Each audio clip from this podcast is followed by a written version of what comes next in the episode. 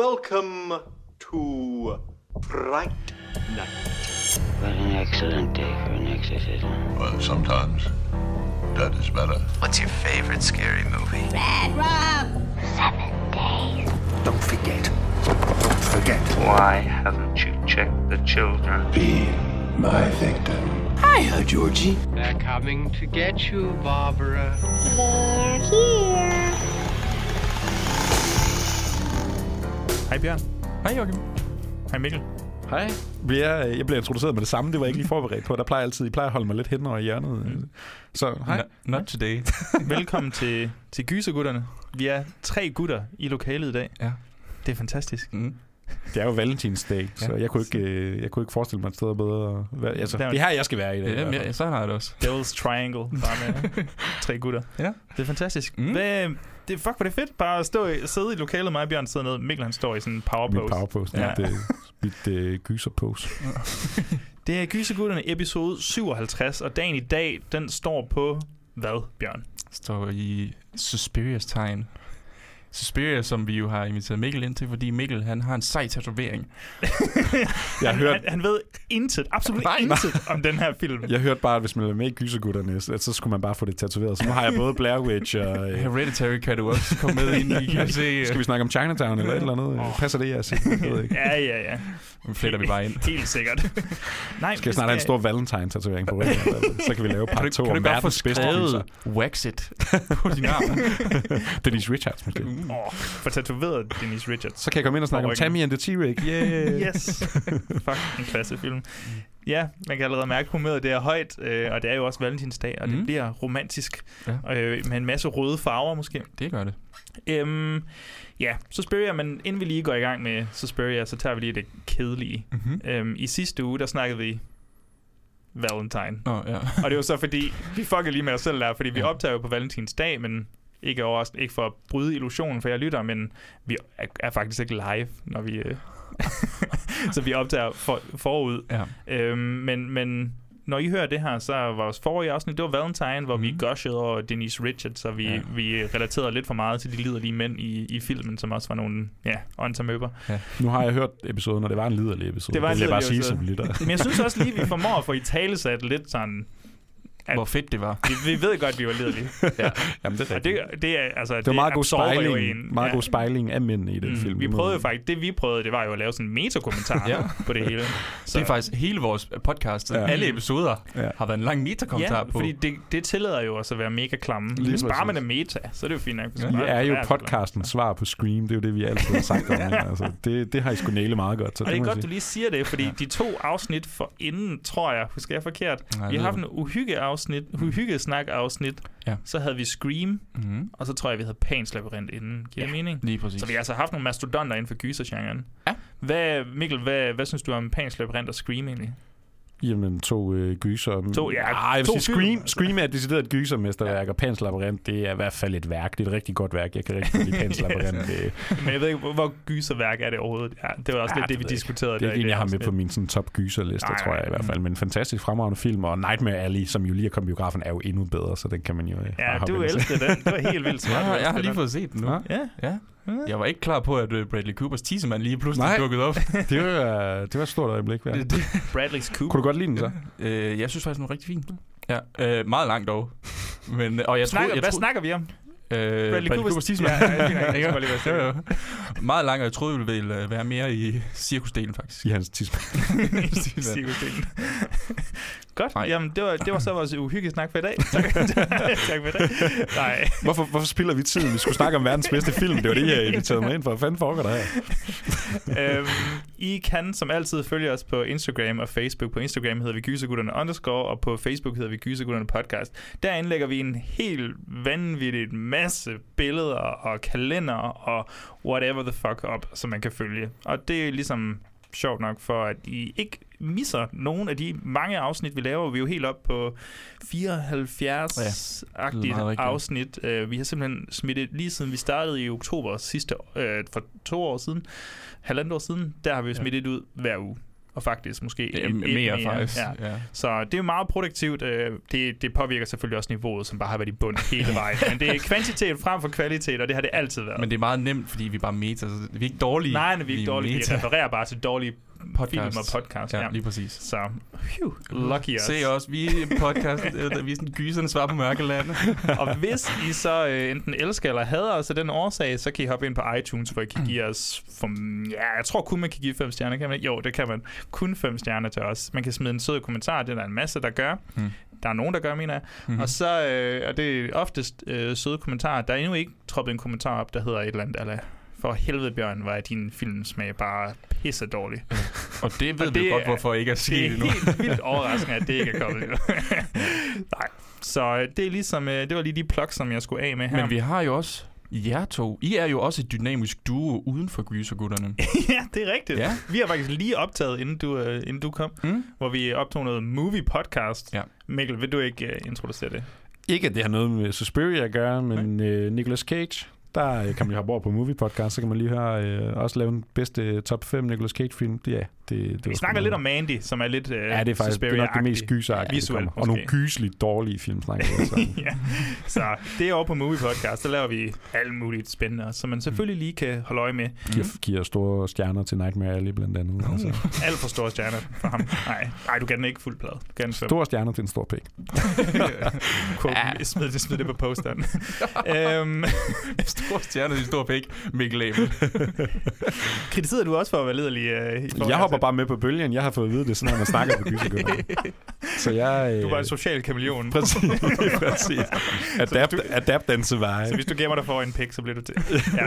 Øhm, vi skal snakke om vores øh, personlige forhold til Suspiria, inden vi lige går i gang med sådan produktion eller sådan noget. Og det er jo ret spændende, fordi øh, jeg ved jo, at selvfølgelig har du set den før, Bjørn, og jeg har Mhm. også set den før. Og det er faktisk også en, nogle af vores lyttere har spurgt os til flere gange. Mhm. Hvad, hvad, hvornår kommer den om Suspiria? Vi har endda formået at tage Giallo før Suspiria, hvilket også er lidt sjovt. Mm. Men det er altså lige Mikkel, vi skal høre fra først her. Hvor, hvad er dit forhold til Suspiria? Der må jo være en eller anden vanvittig årsag til, at vi har taget dig med i dag. Altså, udover den jo har 45 års jubilæum, det ved jeg ikke, om vi fik nævnt, men det har den jo. Det er jo Mm. ikke bare, fordi det er Valentinsdag, vi skal snakke om. Verdens bedste Valentinsfilm. øhm, jamen, øh, ja, vi har jo snakket Jarlo i tre timer i en uh, tidligere episode. Det var en kæmpe mm. fornøjelse og sådan en dejligt uh, nørde-outlet for mig Jeg tror, jeg har hørt det afsnit to gange nu. Altså, Ja, jeg synes, det er det- der- skide godt. Der, der er gang i den i den episode. Jeg synes, der det hører alle var, vores episoder igen og igen. jeg synes, det var ret fedt at få lov at snakke om Jarlo. Og jeg tror også, jeg fortæller historien der i, men Suspiria, øh, jeg ser den i biografen af alle steder. Det var sådan, I 1977. tager min tidsrejsemaskine. Nej, 2017, så det er jo faktisk, det var faktisk en 30-40 års jubilæum. Mm. 40 års jubilæum må det Ja. have været. Der viste de den i biograferne, og jeg havde hørt meget om den her film, og var interesseret i gyser og alt det der, ikke? Mm. Øh, så skulle jeg selvfølgelig ind og se Suspiria. Det koster 50 kroner i nordisk film. Kan I, øh, What? kan I tro det? det var, og man fik en øl med. Det var ret øh, Det tider. siden. Det lyder som 1977, ikke? ja. Så ser jeg Suspiria, og øh, har bare en af de der oplevelser, der siger, okay, jeg troede ikke, man kunne lave film sådan her. Jeg anede ikke, at der eksisterede film som det her. Jeg anede ikke, at man måtte gøre det her, som Dario Argento han nu engang øh, gør. Så jeg havde en ret stor, overvældende sådan oplevelse. Den der som filmnørd, man kun har øh, et par sjældne gange. Mm. i hele sin øh, filmrejse. Og så så, så for mig, altså jeg tror virkelig, den har sådan defineret det, jeg interesserer mig for i dag, og nok kommer til sådan at interessere mig for resten af livet, altså den type filmfan. Ja, det var virkelig den, altså ja, man har dyrket gyser og sådan noget, ikke? og vi har snakket Blair Witch Project og sådan noget i en Mhm. tidligere episode, ikke? som traumatiserer dig som knægt og sådan noget, men altså Suspiria, det var den, der fik mig til at begynde at bestille Arrow-film hjem, og det var den, der virkelig fik mig ned i de der lidt øh, snaskede 70'er og 80'er, og så har det jo bare været en øh, lang, lang, spændende rejse derfra, som på, ja, nærmest kun lige er begyndt. Så, så Suspiria, altså virkelig en af mine øh, all-time øh, favoritter, både film og gyserfilm. Er det noget i du dag. ser den ved Halloween så, eller sådan noget? Det forsøger jeg på. Jeg skal helst se den et par gange om året, og det, bliver ald- det er aldrig kedeligt at se den. Altså, det er altid sjovt. Og du har den selvfølgelig også i en meget, meget flot 4K Ultra HD udgave, som jeg også lige lånte af dig op ja. til her, og den står altså skarpere end nogensinde før. Den er fantastisk smuk. Ja, og jeg var, var også lige ved at tage min t-shirt på, men jeg tænkte, ah, så griner de sgu nok af mig. Det bliver sgu for meget. Det du have gjort. Bjørn, hvad med dig? Jeg ved, du måske har et lidt mere kompliceret forhold til Suspiria. Ja, øh, jeg tror, første gang jeg ser Suspiria, det her det er jo så anden gang, ikke? Første gang jeg ser Suspiria, øh, det var på, da jeg gik på filmskole. Jeg kan huske, jeg googlede, jeg har ofte googlet de sådan, scariest movies of all time, og fundet lister, og, og Suspiria ligger jo meget højt på rigtig mange af de lister der. Øhm, så jeg kan huske, jeg ser den, altså, jeg vil nok ikke kalde det øh, sådan super gode forhold, for det er mere bare mig, der ligger i en seng med en 15-tommer computer. Altså, altså, Ligesom den var til til. yes. ingen øl i hånden eller noget som helst. Det var bare mig, og så, så er jeg ret sikker på, at min, min roomie på, på højskolen, han lå over på den anden side og så noget andet, så ligesom Ja. også blev forstyrret af hans lys. ligesom. Og jeg tror måske, hvis jeg skal være helt ærlig, jeg tror, jeg har set den, hvor jeg har skruet tempoet op på den. Nej.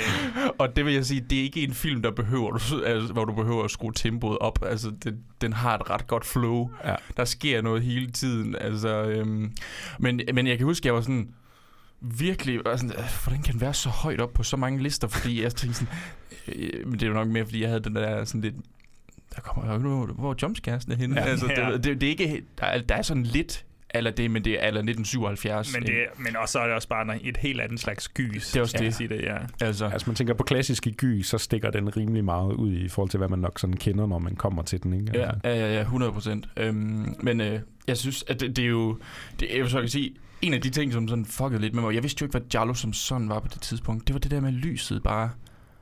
Det bare sprang rundt fra højre til venstre. Altså, så kommer der bare gul lige i hovedet på nogen, så er der grøn, så er der rød, og der er ikke nogen forklaring på de her farver. Jeg tror, jeg brugte meget tid, da jeg første gang så den, var sådan lidt, prøv at sige, hvad, hvor, hvorfor er det her? Hvorfor er det her lys her? Mm. Mm. Altså, der er jo ikke nogen grund til det som sådan, udover det, det har en, Udover en effekt. oplevelsen, Ja, ja. det, det, Ja, ja. det er ikke sådan noget med, om der er et, der er et vindue, der skal forstå, et vindue, der er rødt, og så Ja. kommer der lige lyn. Et eller andet, altså. Det, Ja, ja. det er overhovedet ikke det, han gør sig i. men men det, det kan jeg huske første gang, jeg brugte meget tid på at sidde og regne det der ud, og det tror jeg... Altså sådan ødelagde- logisk tænke Ja. over, hvorfor, Ja, ja, ja, ja. hvorfor er det rødt her? Ja. Okay. Det, var, og det, var, det skal man ikke gøre. det skal man ikke. Det Men, men jeg- hvordan var, så det er jeg lidt nysgerrig på, uden du spoiler alt for meget, Mhm. mm-hmm. men hvordan var din oplevelse så med det den her gang? Har det hjulpet, at vi har taget os af Giallo-film, og, og har det måske hjulpet, at du blev nogle år ældre? Gensyn. Det, det er nok hjulpet, at jeg... Øh, Har set den i normal hastighed. Se i normal hastighed. på Ja, et nu, fjernsyn. jeg har jo, øh, ja, jeg skulle sige, jeg har, jeg har en Blu-ray øh, på den, så det var fin kvalitet. Der var ikke nogen ved siden af, der lige sad og splinkede noget lys også. Og, altså, ja, så, så det var en bedre oplevelse den her gang. Det, Okay. okay. det, det, synes jeg helt sikkert. Jamen, det var godt. Jeg så den for første gang for sådan, nej, det må næsten være fire år siden nu, tror jeg, sådan fire-fem år siden. Og jeg tror, at mit, mit letterbox review af den, den gang, det er noget ala, it's pretty pretty. altså, jeg tror, det er det, jeg har skrevet, og jeg tror ikke, jeg har tænkt meget mere over den. Øh, Jeg tror måske heller ikke, at jeg har forestillet mig sådan... Altså, jeg kunne ikke rigtig forestille mig, om hvorfor skulle den være så højt op på de lister, og hvorfor er det noget af det bedste nogensinde. Jeg skal, Mhm. skal også så sige, at det var min første Argento, og det var jeg havde ingen sådan, intet koncept om italiensk gyserfilm Nej, på det ja, tidspunkt. nej. Jeg havde ingen anelse om, hvad det var, og hvad det indebar. Det, og det er jo som du siger, det der med, du ser en film, og det, man har aldrig set en film som det her før, men hvis man kan kunne lave film på den her måde her. Nej, altså jeg, jeg, det var også min første italienske gyserfilm, og især ja, nu de der 70'er Mm. Giallo-typer der, ikke? Så, så det var bare sådan en, okay, den her type film eksisterer også. Mm. Jeg troede ellers, jeg havde set ret meget, ikke? ja. Øhm, Men den rammer ikke på det der sådan sådan kropslige niveau, hvor, mm. Hvor jeg føler, at du, du er blevet besnæret og tryllebundet af den her en eller anden hekseforbandelse, jeg ved Jamen, ikke. når du hører øh, starten af den film og Goblin soundtrack, det brager ud på store biografer i taler, så sker der altså et eller andet i din krop. Og og så skal det så siges, at det gensyn, jeg så havde med den til det her, det var det er en af de få gange, jeg har lige haft det med The Guest også af en eller anden årsag, uh. men, men sådan Ja. et gensyn, hvor det var slog fuldstændig klik for mig. Mm. Uh, The Guest, det var sådan en, ja, meget samme oplevelse. Ja, jeg kan godt forstå, hvorfor folk kan lide den her, meget cool og fed og bare ret underholdende. Og så anden gang, boom, helt fantastisk oplevelse, og sådan røg helt op i toppen af en af mine... Uh, Det, det er den der med Dan Stevens og Micah Monroe. Præcis. der- Ja, okay. Ja, og den er, den er også bare fantastisk. Og det samme havde jeg så med Suspiria her, hvor jeg sådan, ah, I get it. Jeg, jeg, jeg forstår den nu. Mm. Jeg ved, hvad den prøver på. Altså, den, den kommer ikke helt op at ringe som en af de bedste film, jeg nogensinde har set, og den bliver, sådan et, det bliver heller ikke sådan et, et personligt artefakt for mig, som jeg kommer til at hylde hver Halloween den 31. eller et eller så jeg andet. skal ikke tatovere den på dig her, når ah, dog ikke. Men når det er så sagt, altså, jeg, jeg synes, den ramte lige helt perfekt, og jeg fik den der Marits stemning, som jeg føler meget af, af den sådan, det den prøver på intentionen ved den her, det er meget følelsen frem for, ja, hvis du begynder på at tænke logisk i det, så, så tror jeg, du har tabt på forhånd, måske. Ja. Så, så det var jeg meget glad for. Hvordan tror I, øh, folk, hvordan tror I, den ligger i landet nu? Sådan, danske gyserfans. Hvad, hvad synes de om Suspiria? Altså, gængse gyserfans, tror Bare- jeg. ja. jeg. Altså, jeg har jo sådan en idé om, at der er en... Der er rigtig mange, der ser gyserfilm i Danmark, men det er mere sådan noget Insidious og Conjuring. Og jeg tror, at den her er meget under set brugt. Altså, Mm. den, den, den, har, den har ikke nok ikke øh, opnået den status, den burde have. Nej. Altså, jeg føler, at alle burde se den. Alle behøver ikke elske den. Det er Nej, fint. nej, det har jeg det helt fint med. Uh, det er ikke alle smag, det her. Jeg tænker, lytter af gysergutterne, som sådan aktivt opsøger gyserfilm, der tror jeg, mange er bekendt med tror jeg titlen. Suspiria. Ikke? også. Og dens, netop den der, det er sådan en, der tit dukker op på toplister over bedste gyserfilm. Mm. Ikke? Så, men det er også en, for, som for mange nok vil virke ret distanceret, ikke? fordi hvor, hvor tit har man lige set en italiensk gyserfilm, hvis man ikke kender noget til den der Ja. ja. Giallo-verden og den stil og Dario Argento og sådan noget, så er det nok ikke en, man bare lige støver op og siger, Nå, nu skal jeg skulle se uh, Suspiria i aften. Men den ligger jo blandt andet på, jeg tror det er dansk Amazon Prime, og Ja, måske den, og den har Netflix har den også været på. Og sådan noget. Så den har jo faktisk været lidt tilgængelig, og jeg tror også, nu der kom jo et remake her for et par år siden, ja. ikke? så har den nok fået lidt opblomstring der, sådan i omtale. Som Amazon jo også har. Ja, lige Så- præcis. så ikke? Så, der så, jeg håber, at Suspiria har fået sådan lidt en, en genoprejsning, men jeg tænker, at gysergutterne fansted, de ved godt, hvad Ja, det Suspiria er. jeg. Altså, det håber jeg. jeg føler lidt, at den moderne sådan filmfankultur, ikke, ikke gyserfankultur, men filmfankultur, det ofte godt kan være sådan lidt pedantisk, og det kan godt lede efter plothuller, og der, hvis der er inconsistencies, eller sådan Mm. mm. logiske forbindelser og slutninger, der ikke lige passer sammen, så kan det betyde meget. Jeg synes, der har været nogle YouTube-kanaler, der ligesom har været med til at Mm. fremme det her. Ja, men sådan Cinema Sins, Cinema Sins og Your Movie Ja. Suck. Og, Ja, der er måske der er nogen, der går meget op i det, og det synes jeg er blevet lidt udbredt. Mm. Og jeg tænker, de, hvis der er nogen af dem, der ser den her, så vil de have lidt problemer med den, fordi der er, Ja. ja. der er følelse, sådan, den føles uforløst på mange punkter. Altså, den er jo en- enormt let at hade og enormt let Ja, ja, at ja. elske. Ikke? Mm. Altså, Ja. det er jo virkelig, hvordan du går til den, og søger du plot og gode karakterer, jamen, I'm sorry, så er det altså ikke her, du Nej, finder nej. det. Men, Nej. men er du til den der sanselige oplevelse, er du til noget craziness, så er du til nogle vilde effekter eller- og galskab og det der, ikke? så er det altså her, du finder det. Ja. Så det skal man lige gøre op med sig selv, hvad Mhm. man er ude efter i hvert fald. Ja.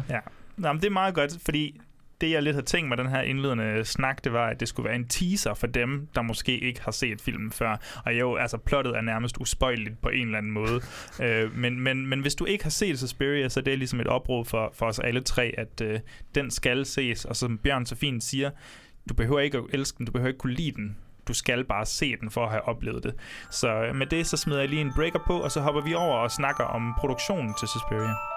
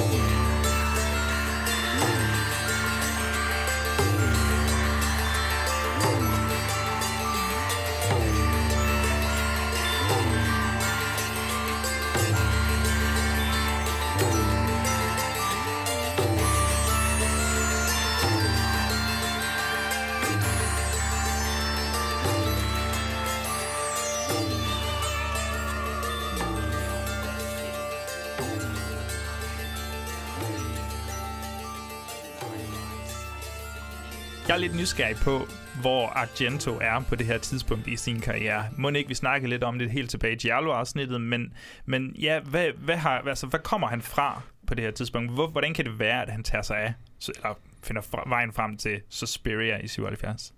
Ja, det er jo, altså, han får sit kæmpe gennembrud der i 1970 med Bird with the Crystal Plumage, og han kommer lidt videre med Four Flies and a Grey Velvet, og så kommer Deep Red, den der, det snakker vi også om i Giallo-episoden. Mm. Den der, nu skal han lige vise alle, en gang for alle, hvordan laver man en Giallo-film her i Italien. Og det er jo altså de her mormysterier, og de arbejder lidt på sådan et drømmeagtigt Ja. plan nogle gange, ikke? og der skal, man skal finde ud af, de er meget psykologiske og alt det her. Ikke? Ja, jeg tror, der ligger en tre timers podcast derude et eller andet Ja, det sted, kan man hvis man har lyst til at det. Jeg ved ikke, om det Er det når vi filmer en hjørne, eller Ja, du jeg tror, ja, det er det. Øhm, så, så han har jo været mega optaget af Giallo, og det er jo virkelig også det, der sådan danner rammerne for gyserfilm i Italien på det her tidspunkt. Og det, der Argento han så selv siger, da han ligesom skal begynde at arbejde på Suspiria her, det er, "Åh, kæft mand, jeg er træt af de der mormysterier der. Er det ikke ligesom over and done? Nu har jeg lavet Deep Red. Jeg, det, der er jo ikke nogen, der kan overgå det alligevel. Hvad skal jeg begive mod nu? Og så øh, han rejser lidt rundt i øh, Europa på det her tidspunkt, især sådan Østeuropa og lidt forskelligt, og prøver at finde noget inspiration. Og så øh, kommer der ligesom til, at jeg skal skulle lave en, øh, jeg skal lave en film om hekse, jeg skal lave noget om, jeg skal, jeg skal sådan arbejde med magi og lidt på et mere overnaturligt plan, end uh, Gialloen har tilladt på det mm. her tidspunkt. Så han er meget inspireret af hekse, og der går ligesom øh, den her historie om, det, han, han skriver den jo sammen med sin øh, kone, blandt andet øh, Daria Der er Nicolodi. Hvis du Det kan huske din forvirring dengang. Jeg kan, godt, jeg, jeg kan godt huske det der med sådan en, men, men, men, men hvad? Ja. Hedder konen Daria, og han hedder Dario. Der- er det Daria det Nicolodi. perfekt match. Og de har, der går sådan en, øh, der er stadigvæk øh, både debat mellem dem ja, det og nemlig. fan-debat. Ja. Ja. Hvem har egentlig sådan, øh, hvem har ligesom fundet på præmissen for øh, Suspiria? Fordi øh, Dario Argento, han siger, at øh, han faktisk, han er sådan inspireret fra sin barndom mm. og de her øh, Edgar Allan Poe-fortællinger. Han husker, at han havde en headmistress eller et eller andet, et eller andet sted Ja. i for, øh, jeg ved ikke, en eller anden skole eller sådan noget, hvor det sådan, ja, måske var, hun sagde, hun var en heks, så... Ja, og, og det er generelt bare sådan en fascination af noget mere gotisk og overnaturligt og alt det her. Og så er der så Daria Nicolodi der, der siger, at hendes bedstemor mm. har simpelthen gået på en balletskole, hvor hun var øh, overbevist om, der var altså heksekunstner på spil, og hun faktisk ender med at flygte fra den her skole, og er dybt øh, traumatiseret af det. Der går lidt en, øh, en øh, kamp mellem dem, og de, er faktisk, øh, de har jo faktisk et virkelig turbulent forhold under produktionen af, Ja. af Suspiria, både fordi, at der er jo Nickelodeon, de har jo lavet, hun er jo med i Deep Red blandt mm. andet, og de har jo virkelig et tæt samarbejde på det tidspunkt, er gift og har to børn sammen, og hun er faktisk også, øh, hun skriver film sammen med ham, og så er hun ligesom også, øh, hun er ligesom ret parat på det, er også hende, der skal spille øh, hovedrollen som Susie Banyan. Og det ender hun jo så med ikke at blive castet som, så de er faktisk i deres øh, sådan livskrise, rent parforholdsmæssigt på det her tidspunkt. Og stadig den dag er der lidt ondt blod om, hvem er det egentlig, der øh, sådan Ja. fandt på Suspiria. Men jeg kan godt lide elementet i, at, at han på det her tidspunkt sådan... Han har lavet den der, post, eller den der Animal Trilogy Giallo-film der, Mm. mm. og så vidste han også, at Deep Red, hvor han bare lige havde perfektioneret genren, og så har han tænkt, ja, yeah, folk vil se, hvad jeg laver lige meget hvad. Så nu laver jeg bare, hvad fuck jeg vil. Og så går han så Spirit-vejen. Det synes jeg er fantastisk. Ja, så er det jo, øh, han, han, han beskriver i sin øh, selvbiografi, der beskriver han, øh, der beskriver han Suspiria som det er hans vulkanudbrud, ikke? Altså, han, han beskriver det ligesom, at han skal lave noget, ingen har set før, og det ender blandt andet også med de, altså der er ikke et identisk ud i den her, altså, han har sådan nogle, nærmest sådan nogle dogmer for, hvordan Mm. den her film, den skal laves, og han har jo arbejdet sammen med Goblin-bandet på Deep Red, lavet soundtrack, ikke? Så dem skal han have med videre, og jeg tror bare, det bliver sådan virkelig et frirum for ham om, bare sådan at gå fuld, altså helt ind sådan kunstnerisk og gøre noget, ingen andre har gjort før, og noget, som de slet ikke forventer af Dario Argento ovenpå mormysterierne. Og det er der, han på en eller anden måde tager det altså, til et nyt niveau, føler jeg. Og han er ikke bange for at tage nogle drastiske valg. Altså, så de skyder i 16 uger i, i München og West Bavaria. Eh, fucking random places, men altså, det er så der, de skyder. Øh, og hans, øh, han, han tænker sådan lidt, øh, udseendet skal være psykedelisk. Det skal være snevide inspireret. Og, altså, og det indebar faktisk, at han blev nødt til at skifte sin fotograf, øh, hans vante fotograf, der har skudt nogle af de forrige film, til en, en fotograf, du måske er lidt bekendt med, Mikkel. Og hvad er den, han hedder? Lu- Luciano Tavolini? Tivoli? Nej, to, Tivoli. Tovoli. Altså, nu lyder det bare, som om vi finder på, at de italienske. ja, navne. det gjorde vi også. Kigge hinanden i øjnene sådan, Luciano Blev vi enige om, hvad det var, han hed, ja. Nej, øh, ja, han møder jo Luciano her øh, ombord på øh, The Passenger. Han er ved at skyde en film for øh, Antonioni, øh, den her store italienske mm. filmmager, og Argento. Han kommer jo altså fra en verden. Hans far producerer jo også film, øh, Salvatore Ja. Argento, og det er jo altså en mand, der har hængt ud med Fellini og, og øh, alle de her. spillere, ja. ja, lige præcis. Og øh, bliver så imponeret over især farverne, de arbejder med på The Passenger, og ender ligesom med at overtale øh, Luciano til at sige, jeg kan ikke, øh, altså jeg, Suspiria, den kan ikke eksistere uden dig, den skal du med. Så han får ligesom også et nyt sådan kreativt samarbejde Mm. på den her, fordi Mhm. mm-hmm. Luciano der, han ender jo også med at skyde både Inferno og Ja, Dracula videre der. 3D senere, og Tenebrae, tror jeg endda. Vi- Vitterligt, lige da du sagde skyde, ikke? Og så min første tanke, det var, at han, Alec Baldwin. det var Alec Baldwin. Det har fået helt ny betydning for, hvad der kan ske på et filmsæt. Virkelig. Og ja, øh, du ved, øh, The Reporter, også, eller The Passenger, undskyld, også en, øh, en, en suveræn film. Øh, en film, jeg tror, Bjørn, du vil have som ind i helvede. Det er en af de langsomste, mest dvælende film nogensinde. Ja. Altså meget skarp Ej, kontrast op. til Suspiria, i hvert fald sådan rent øh, tempomæssigt, Ja, ja, og hvad der energi. Diametralt Ja, bare op på 1,5. 1,5. Så er det- så, så er det en klassefilm.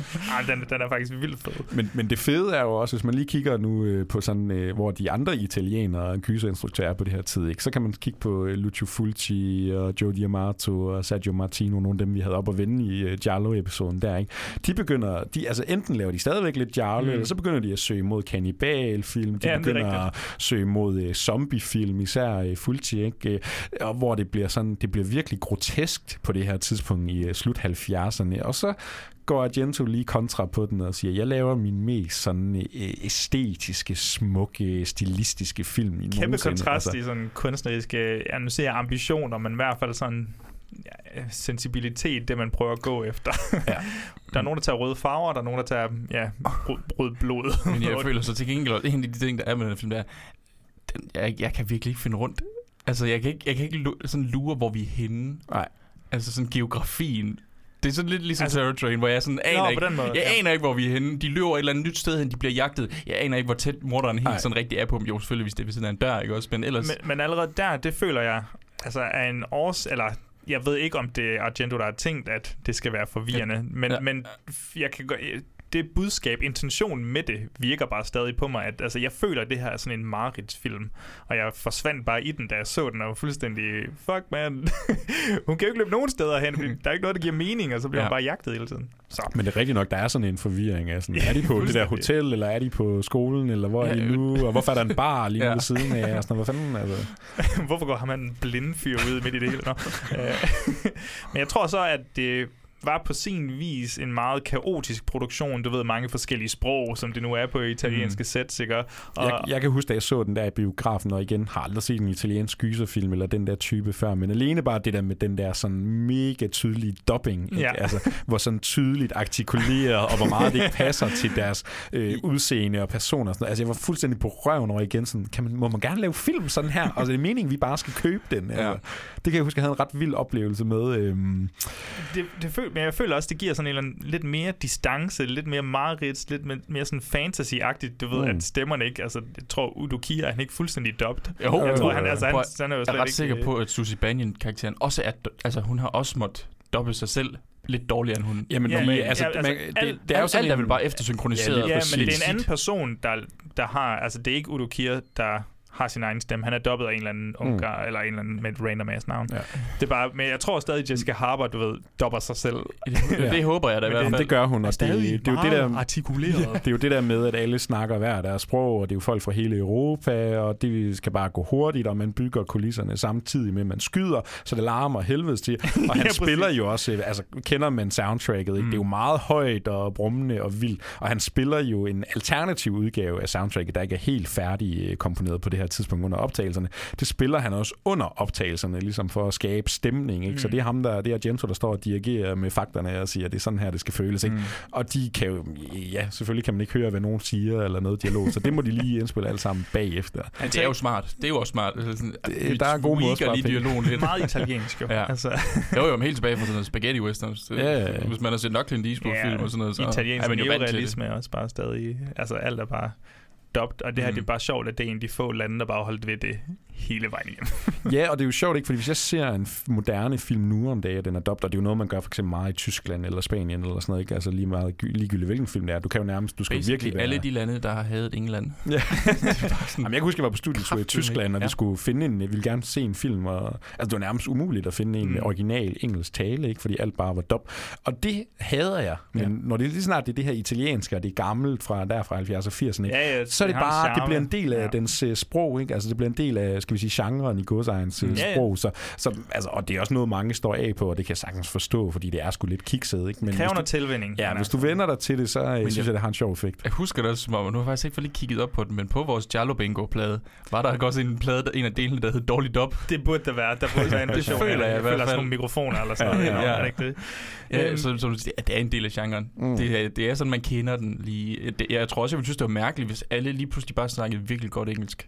sådan, Ja. Nu er det jo ikke rigtig længere. Nu ja, nu, det nu har jeg jo selv øh, ja, tre forskellige udgaver af filmen på Blu-ray og DVD, ikke? og nu prøver jeg lige den anden dag at- for, for første gang at prøve at se den med italienske stemmer. Det virkede overhovedet ikke for mig, fordi at, jeg skal have det der, jeg skal have det der lidt kiksede Ja. dub, ikke? Altså, det er så bare en del af charmen, det må jeg sige. Mm. Ja, og det, og det er jo så noget, der spiller meget ind for Jessica Harper, fordi hun har bare været på det her sæt som en af de få øh, amerikanere, og meget, altså relativt ung på det her tidspunkt, og var meget forvirret, og jeg tror heller ikke, at Argento måske er den sådan mest barmhjertige instruktør, der vil hjælpe hende så meget som overhovedet muligt. Jeg tror godt, han kunne være lidt Kubrick-agtig. Ja, fakt, faktisk lige med Suspiria. Okay. Han, han beskriver faktisk selv, at han har, han, altså, han, han, hun er en af de skuespillere, han har haft det allerbedste forhold til, og der var faktisk mange på produktionen, der troede, de var deciderede øh, elskerinder, eller ikke elsker- elsker, ja. elskere, undskyld.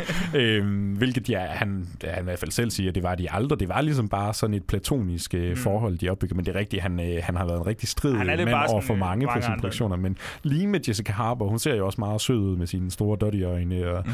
så, så det kan man jo godt forstå ham i. Øhm, Og det, han, han fandt jo hende også igennem en, øh, en, en i hvert fald en gysergutterne mand, eller i Ja. hvert fald Joachim Jellemann, og Ja. så har jeg prøvet at presse lidt, øh, ja, lidt det- Brian De Palma på jer to. Ja. mm. Jeg elsker den film. Det var igennem Phantom of the Paradise, Mm. at Argento egentlig så hende, fik øje på hende. Hun havde den her eventyrsagtige udseende, kæmpe dotty øjne, sådan dukkeagtige, dukkeagtige øjne, du ved, sådan Men hun har også meget sådan, ekspressive, eks, ekspressive features. sådan en, en ballerina-krop. Ja, altså meget sådan tynd, og meget hun, er, tynd, hun er virkelig tynd i den her, jeg ja, ja. til den her gang. Og hun valgte jo Suspiria over en anden film. Ved I, hvad det er for en film?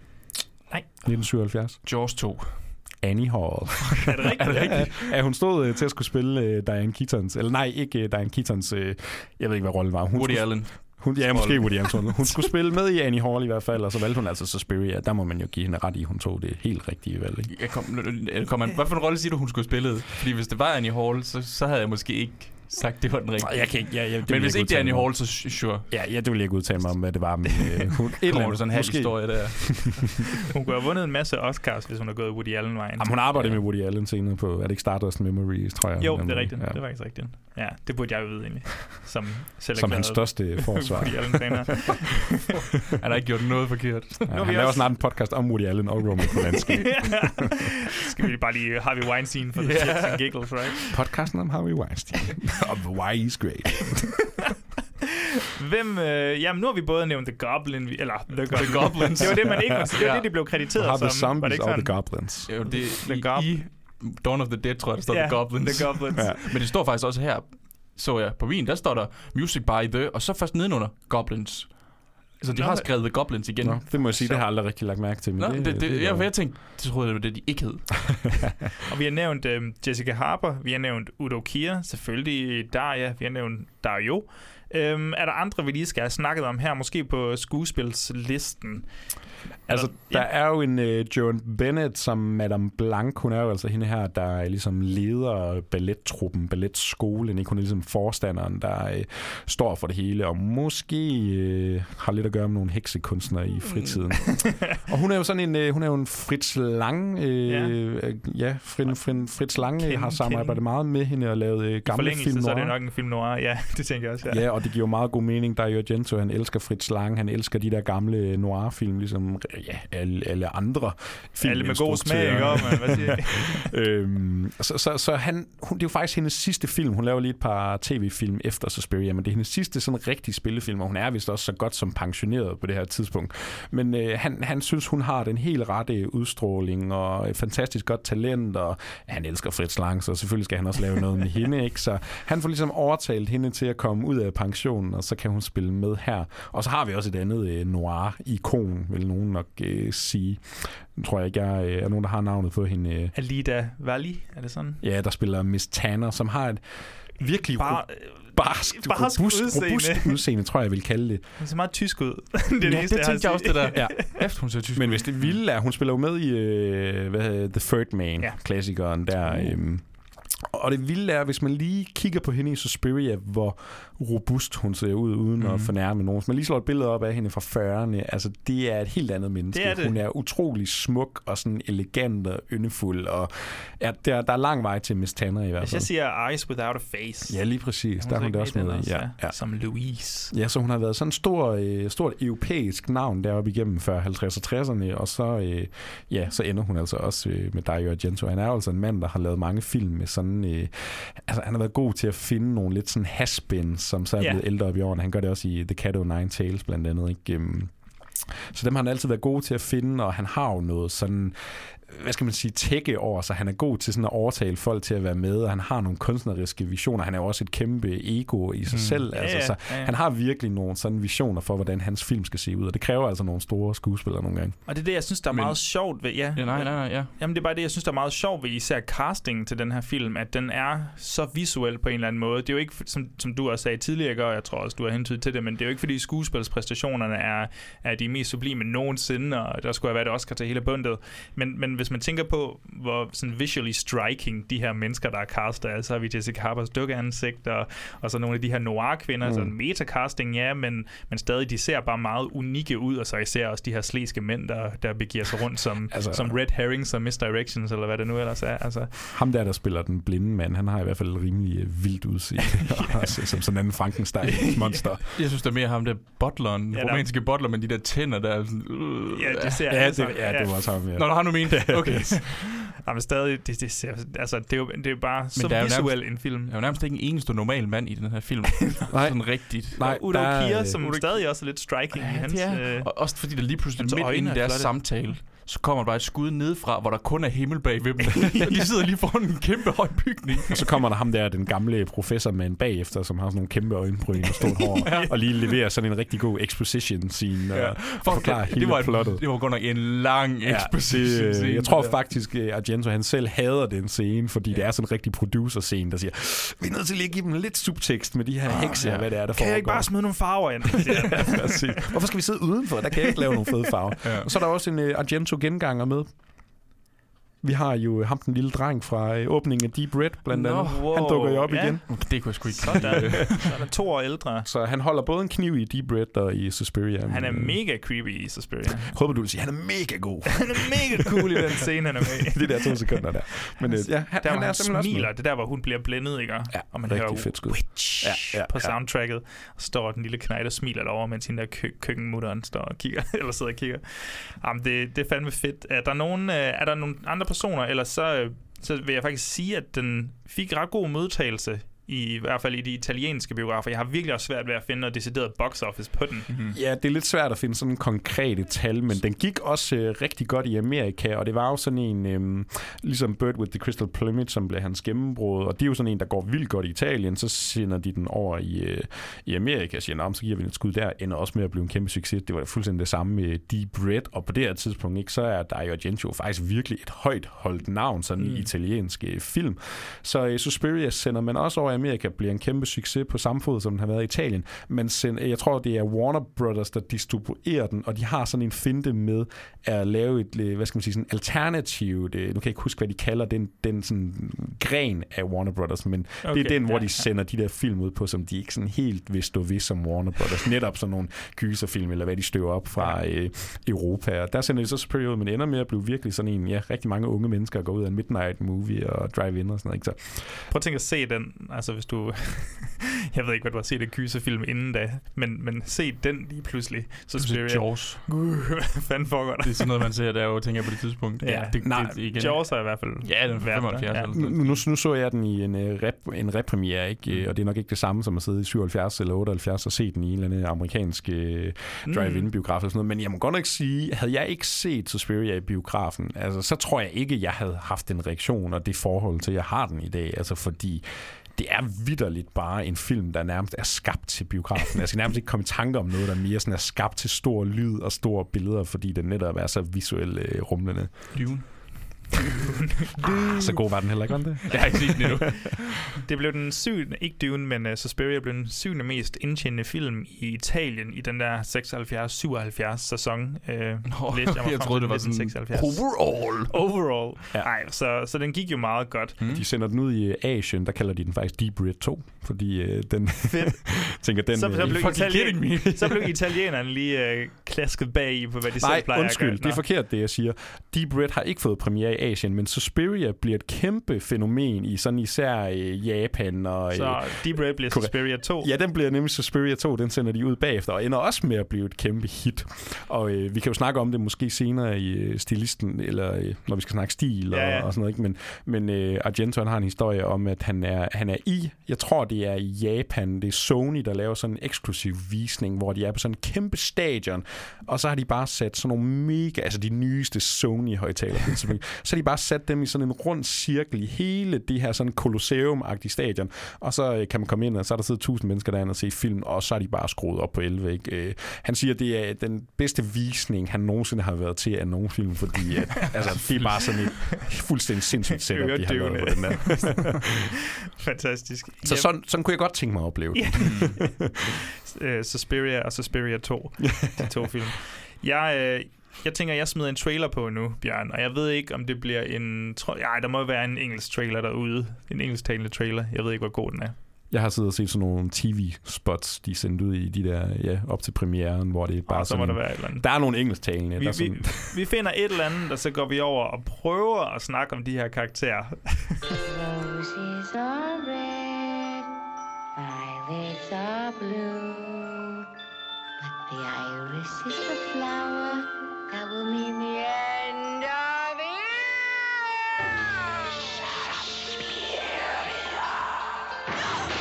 You can run from Suspiria. Suspiria.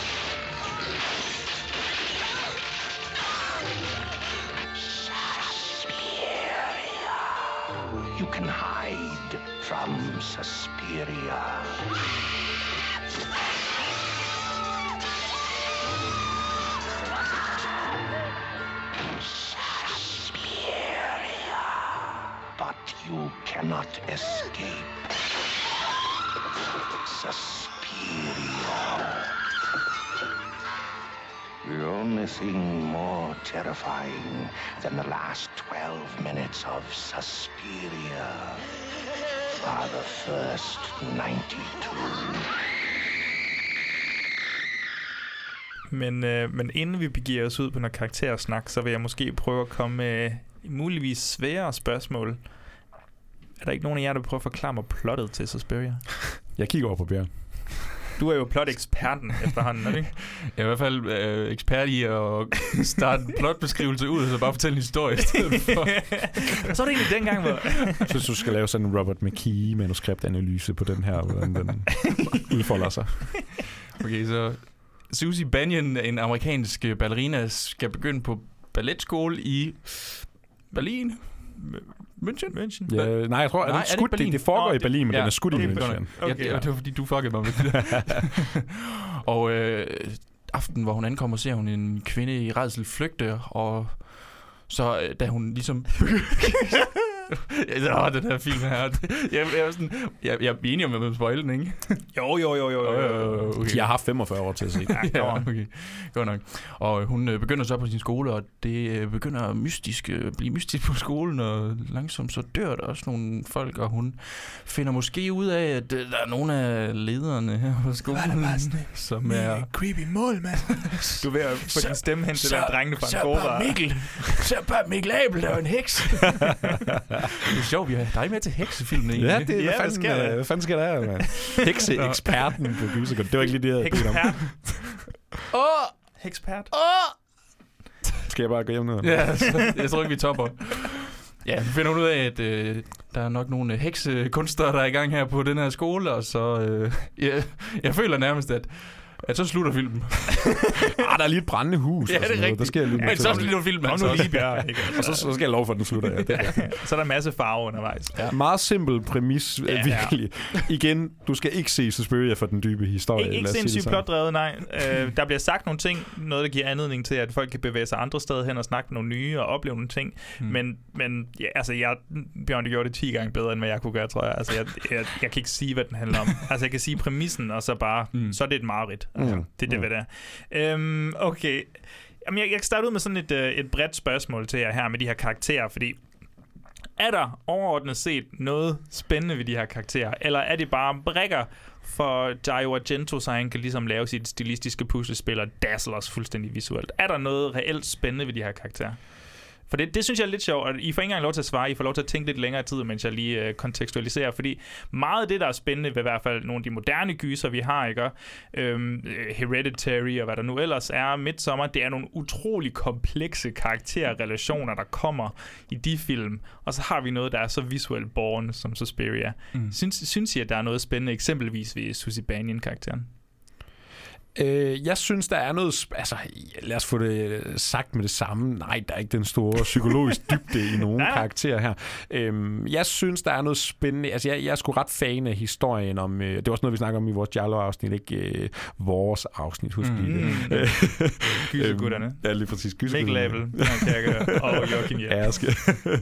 Nej, øh, jeg kan godt lide det der med, du ved, når outsideren kommer ind i et fremmed sted, og man må sige, her i Suspiria, ikke, der er det jo virkelig en, der træder ind i heksens hus. Øh. Det er en folk horror. Så, jamen, jeg kan godt lide det der med, når man kommer ud på dybvand, når man kommer ud på... Man kommer ind i en præmis, man ikke rigtig forstår. Man kommer ind i en verden, man ikke er en del af. Og så bliver det jo...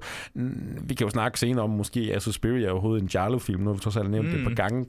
I sidder og tager mine spørgsmål til jer senere i diskussionsafsnittet. Bjørn han sagde, måske det er en folk horror, og du sidder er det Giallo, og jeg har skrevet sådan i mine noter. Øh, find ud af, om det virker... Altså, jeg skal have det definitive svar på, ja. er det en Giallo, ja. eller er det en Giallo? Nå. Ja. Øh, Men, men det, er jo, det, er jo, det er jo et greb, Giallo-filmen øh, bruger rigtig meget, det her med, og især amerikaneren, der kommer mm. til den europæiske storby, ikke? og så bliver hun lidt kastet ud i en verden. Og jeg synes, Nej, øh, helt essentielt. Der er jo en form for mormysterie. Det starter jo med, at hun ser noget ske, en form for mor øh, ske, og så handler filmen jo faktisk lidt om, hvad var det egentlig, der skete? Det finder hun jo først ud af til Det sidst. er sjovt, ikke? Det, det tager hun jo lidt fra The Girl with the Crystal Plumage. Det der med, altså, øh, du kunne have, han genbruger jo, Ja, ja, at der er en, der præcis. tilfældigvis til allersidst godt kan huske, hvad var det egentlig, jeg Ja. så Hmm. blive sagt Mega på fedt. afstand. Og øh, også en reference til Deep Red. Altså, hun, hun, hun, der er jo et stort reveal i et spejl, ikke? og det er også sådan, hun opdager morderen i Deep Nå, Red. ja, okay, ja. men du ja. har stadig også ret bagligt. Okay, jeg, Ja, bare, ja, jeg ja, troede, jeg havde byttet rundt på filmene. Nej, Nej, Det der er kunstmuseet der. Ja, lige præcis. Det, ja. Ja, der, der er masser af referencer at finde til andre Argento-værker. nu i, kalder øh, du det reference, men er det ikke bare genbrug? Eller? Hey, hvis Quentin Tarantino kan gøre det, så kan jeg bare Argento. altså, okay. øhm, så, så, så, jeg synes, der er noget spændende, faktisk ikke essentielt i mormysteriet, men jeg synes, der er en øh, i vejen dertil. Altså, og det kan man sige, Susie Bannion, hun er, øh, hun er jo ligesom den, der fører os igennem det. Og så fordi det er Jessica Harper, jeg ved ikke med jer, jeg synes, hun er skide charmerende. Altså, ja, og i alle film, hun laver, og meget sød og, og, og sådan. Men der er noget i den der, og det er jo også noget, film spiller på, og det er jo også noget, der Argento bevidst har gjort, men vi kommer ind, de er sådan nogle lidt, de er sådan lidt øh, børneagtige, ikke? Altså det taler ind i den her eventyrkontekst, vi nok kommer til at snakke mere om, ikke? Men, men der er sådan en naivitet omkring de her piger og dem, der er på skolen, og især Susie. Og så den der måde, hun så bliver kastet ind i en... Susie. Susie. Su- Susie. Og Leo. Øh, måde, hun bliver kastet ind i den her mareridsverden Ja, ja, på, der ligesom begynder at udfolde sig mere og mere, jo længere hun kommer ind i det. Det kan jeg sgu ret godt lide. Jeg tror, der er sikkert også nogle af jer, der har læst det, jeg gør, men, men det var jo også intenderet, at det skulle have været 11-14-årige Mm. mm. øh, balletdanser på den der skole der, men der var studiet lige sådan, du kan ikke, Altså, Du kan ikke voldsmadre 11-14-årige børn Nej, igennem helt den- den, tortureret dem i 100 Ja. minutter. Han, hans far siger hvis noget, eller, altså hvis du bare vil have, at vi sådan smider penge ud af vinduet, så kan vi godt kaste de der 13-årige, fordi Fantastisk. vi får aldrig lov til at vise den film, du gerne vil lave med de, øh, i den aldersgruppe. Altså, så. Men hvad gør man så? Så hyrer man nogle øh, 18-19-20-årige, og så får man bare til at spille, som var de Og så- 11-13 Mm. år. Og det har jeg sikkert også hørt, men så sørger vi bare lige for at rykke dørhåndtagene længere ja. op, ja. så det ligner, at de er mindre, end de er. Og det er jo også, altså nu, nu snakker vi også, vi har også snakket om Tenebrae, Mm. mm. øhm, Tenebre, øh, omkring Dario Argentos idéer, øh, og hvorvidt det så egentlig udfolder sig på skærmen, det kan man så diskutere, jeg synes, det fungerer meget godt i Suspiria, men Tenebrae, der var det der, hvor han sagde, ja, Tenebrae foregår jo i en fremtid, hvor, øh, hvor, der, hvor du ved, sådan, befolkningstallet er væsentligt lavere, og folk er generelt Nok meget min rigere. yndlings sci-fi. Altså, what the fuck, homie? Hvad snakker du om? Men jeg synes så, at det er lidt mere tydeligt i Suspiria, især fordi den går ind i den der, altså nu snakker vi om Susibanien og hendes lille sådan Alice i Eventyrland-agtige oplevelse, Mm. at det føles lidt mere som sådan et, ja, mørkt eventyr. Ikke Pans labyrint, mørkt eventyr, nej. men, men lidt på samme måde en, der træder ind i en helt ny verden, og, og de er sådan lidt naive og, og mærkelige og karikerede, nogle af de her karakterer. Altså, de er jo ikke spændende karakterer, men de er jo karikerede, som var det et eventyr, Mm. så alle kan være med. Så det, det kan jeg egentlig også ret godt lide. Ja, og, og, og det er bare det er sjovt. Nu, ja, vi kommer nok til at snakke om remaket senere, ikke? men det er sjovt, hvor meget den så lige pludselig gør ud af at tilføre noget psykologisk dybde til alle de her karakterer, og, og virkelig sådan prøve at tegne nogle traumer, og hvordan lægge nogle brødkrummer ud til, hvordan er Susie Banyan kommet helt hertil. Ikke? Altså, der er der en grund til, at hun er her, hvor at i Argento, nå, en amerikansk pige øh, Kør. kom ud i en what the fuck Ja, ja. situation. Ja, Let's go. Let's altså. go, så skal nogle farver på bordet. Og så kan vi lave nogle vilde mor og sådan noget. Fint nok. Så har vi, brug for, har vi virkelig brug for mere i den her film? Og det er også det. Jeg ved ikke, hvad synes I om, om sådan, så heksene? Altså, hvad synes I om heksene, eller kulten, eller hvad fanden det nu egentlig er? Er de spændende nok? Kan det blive båret af det, at der er så meget mystik omkring den måske? Altså det, at man ikke helt ved, hvad fuck der foregår, så det er spændende nok? Eller er det sådan lidt undervældende i reveal? Jeg, har- jeg har et spørgsmål, tror jeg faktisk. Okay, fyr. øh, hende, der bliver slået ihjel der igennem vinduet, hvor det virker som om, der er en ulvemand nærmest. Ja. det, og det kan være, der er noget essentielt, bare ikke er fattet. Og der er en meget behåret arm, der kommer ud. ja, lige præcis. Men fuck er det? Det er mørkets kræfter. Den, den tager du er ikke. mørkets kraft. Nej, men Dario Argento, han har jo en ting med i alle hans film, når der er en kvinde, der skal lige kvæle, så siger han lige, den tager jeg lige, den her. Her kommer farma. Det er mine, lidt ligesom uh, Tarantino, hvis gør det i Inglourious Bastard. Så bruger han jo selv sine hænder. Lige nøjagtigt den der meget behårede arm, der kommer igennem vinduet. Der er ikke rigtig nogen, der ved, hvems arm det er. Men jeg tror, den er en form for symbol på, det er bare onde kræfter, og de her hekse har fået lov til. Vi ser jo også de der gule øjne på et Ja. tidspunkt Ja. meget berømt ja. close-up. Har, har, har, har du set um, The Amityville Horror? Ja, er den, gode, den gode remake med Øh, Nej, Ryan Reynolds. den originale. Nej, den, har, den tror jeg faktisk aldrig, jeg. Nå, okay, fordi jeg, jeg, jeg tænkte vildt meget på det. Der er nemlig også sådan et tidspunkt, hvor jeg kigger ud igennem et vindue, og så kommer der sådan nogle øjne. Jeg tror ikke, de er gule. De er måske røde. Det er også ligegyldigt. Mm. Men det minder mig helt meget om det, og jeg synes, det var Der mega er røde øjne i Deep Red close-up. Det kan være, de har taget det fra De har jo noget med øjnene. Det er jo det. men, Det må man sige. men igen, jeg tror måske, at jeg gør det, at jeg går meget altså sådan logisk ind til en film, der ikke skal gå så logisk ind til. For Mm. jeg sad virkelig var sådan lidt, hvornår kommer den her varulv igen egentlig? altså, altså logik, Kan, jeg- kan jeg tælle den her som en varulv film til vores kommende top hvad? 5? Eller? lo- lo- logik og Suspiria, det, Ja. ja. det dummeste, du kan gøre. Ja, altså. det hænger ikke sammen. Ja, den arbejder på en helt anden logik. Ja. Okay, Altså- så, så jeg føler ikke, jeg fik et svar, men det er... Øh, ja, men jeg tror, du fik Jo, et- det fik du. Vi Det ved det heller ikke. Ja, så spørgsmålet var, hvis arm var det, men... men Ja, jeg ved, okay. ja, skuespiller, I don't know. Det var, er jo Argentos feberdrøm, Ja. så lev med det. Men for at svare på dit spørgsmål, Joachim, altså jeg synes jo, de her to, uh, Joan Bennett og uh, Ali, uh, Ali, Ali Ja, lykke. eller hvad hun Mm. hedder, altså Ja. jeg synes, det er jo ikke, det, er jo det, for, det kommer jo ikke rigtig i spil, at de her mennesker er hekse, før vidderligt, bogstaveligt talt, de sidste fem minutter Ja, ja. af filmen. Altså, der kan man igen referere til remaket. Den, den leger meget mere med det Mm. her, ikke? Øh, så, så, så nej er selve sådan den som, ja, skal vi sige, som folk horror, som heksefilm, som heksetrup, og, og hvad hekse nu er, og hvad de nu gør. Nej, den er ikke super spændende på det, men jeg synes, den er super spændende på sin måde netop at øh, portrættere et, en, en sådan heksekult på, fordi mm. Du ved hele tiden, du ved fra det sekund, hun selvfølgelig træder ind, der ved du, okay, der er noget raskrone, øh, der er virkelig noget galt i den her. Ja, øh, det kan man se på alle de personer, der er her. Altså alle dem, der leder øh, danse ja, truppe, truppen Ja, og- de ser mærkelige ud. Præcis, og bare den måde, også de andre, altså jævnaldrende piger, de sådan snakker til hende. Der er hende der, øh, hun er nok den anden pige, der kommer mest i spil. Nu kan jeg ikke engang huske, hvad hun hedder. Hun bliver spillet af Barbara McNulty. Hun har et meget sådan markant udseende, mm, sådan mm, ja. nettet. Øh, hun er, de, de, er sådan lidt, de er sådan lidt lede ved hinanden, og der er hele tiden den der følelse af, hvad er der på spil her? Der er nogen, der ved noget, ingen ved, og så er der jo den Hun der... er Olga måske. Ja, Olga, ja, lige ja. præcis. Øh, så, så der er sådan hele tiden et eller andet... Man kan ikke rigtig finde ud af, hvad det er. Jeg synes, der er et eller andet spændende på spil, og så kommer der de sidste fem minutter, hvor det så stikker fuldstændig af. Ikke? Det er helt klart. Altså, de, jeg synes jo, de fedeste i den her film, det er slutningen. Ja. Altså, jeg synes, som sådan mysteriet der op til, det er ikke det, der interesserer mig mest. Det er først, når hun bliver jagtet og sådan skal løbe rundt i, i huset, eller øh, hvad skal jeg, slottet, eller øh, mansionet. ja. Altså, det synes jeg er ret fedt. Altså, der, der prøver han virkelig også øh, på meget. Der skruer han meget altså, op på 11 med sig selv. Ja. Og der føler jeg, at det, det bliver mere gys Ja. til allersidst. Hmm. Ja, men, Altså og hvis det er sådan- det, man leder efter, så er det måske der, den... Det er lidt og det var det, jeg ledte efter. Det var lidt ærgerligt at vente en, en time og 30 minutter på det, kan man sige. Ja. Øhm, jeg tror, vi har snakket nok om, hvad de her karakterer egentlig... ja, Jeg tror ikke, den her samtale kan bære længere. Nej, det tror jeg heller ikke. Så jeg smider endnu en breaker på, og så kan vi måske snakke om ja, både Ar- Argento som instruktør, men måske også snakke lidt om nogle af de der sådan, ja, morsekvenser, eller hans operaagtige, kæmpe store øh, morsekvenser. Han er jo ja, han er vanvittig. Jeg smider en breaker på nu.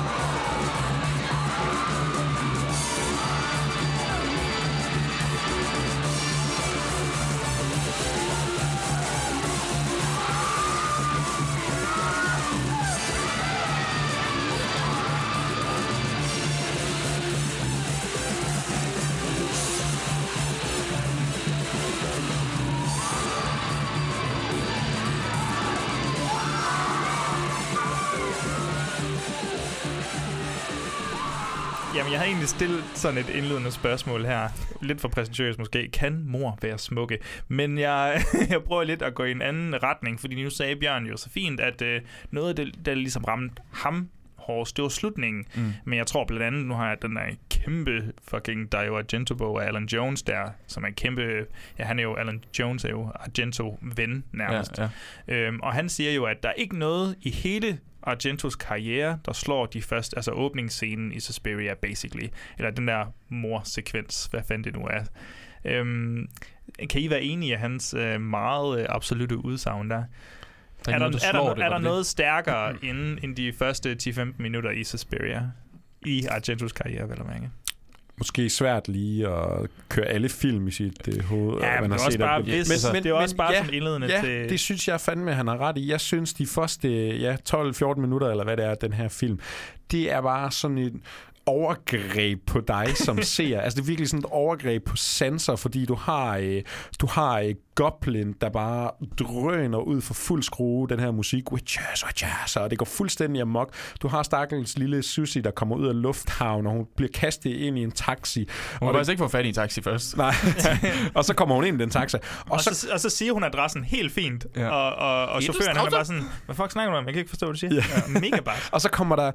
Altså, neonfarverne begynder jo allerede der. Hun bliver lyst op i ansigtet af alle verdens farver, og vi kører ud igennem den mest dunkle skov. Der er en dag, da hun er i lufthavn, så hænger der sådan en Black Forest-plakat, ligesom hun går ud og sådan noget. Jeg ved ikke, hvad det betyder, men den er der i hvert fald.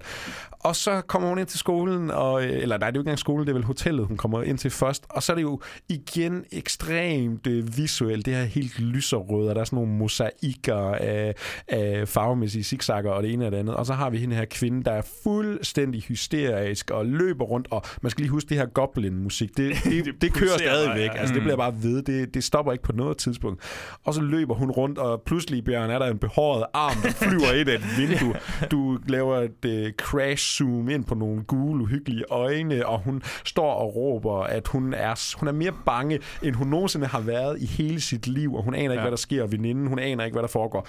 Bum, smask, pludselig ud igennem en rode, altså ned igennem vinduet, og så hænger hun der Ja. i, øh, er det noget sengetøj eller et ja. eller andet, og så er hun hængt, og der Som et drypper, kunstværk nærmest. Ja. Altså. fuldstændig, og der hænger øh, ja, drøbende blod ned, der ligner noget neglelak eller et eller andet. Yes. ikke? Og så, jamen, Susie Banyan, velkommen til Berlin. Ja. Altså, nu er vi i gang, og så kan du gå ind og danse ballet. og så falder den lidt i tempo igen. Jeg synes, det er, altså, jeg har aldrig set en film, der gør det der. Altså, det, jeg synes, det er fuldstændig vildt. Jamen, jeg, det er meget godt forklaret. Jeg tror, du, du vækkede meget stemning ved at se øh, startscenen. Jeg, jeg synes, det er helt fantastisk. Hvad med dig, Bjørn? Du var ikke øh, tryllebundet? Øh, På samme måde i hvert fald. Han så, han så den i dobbelt speed, det tæller ikke.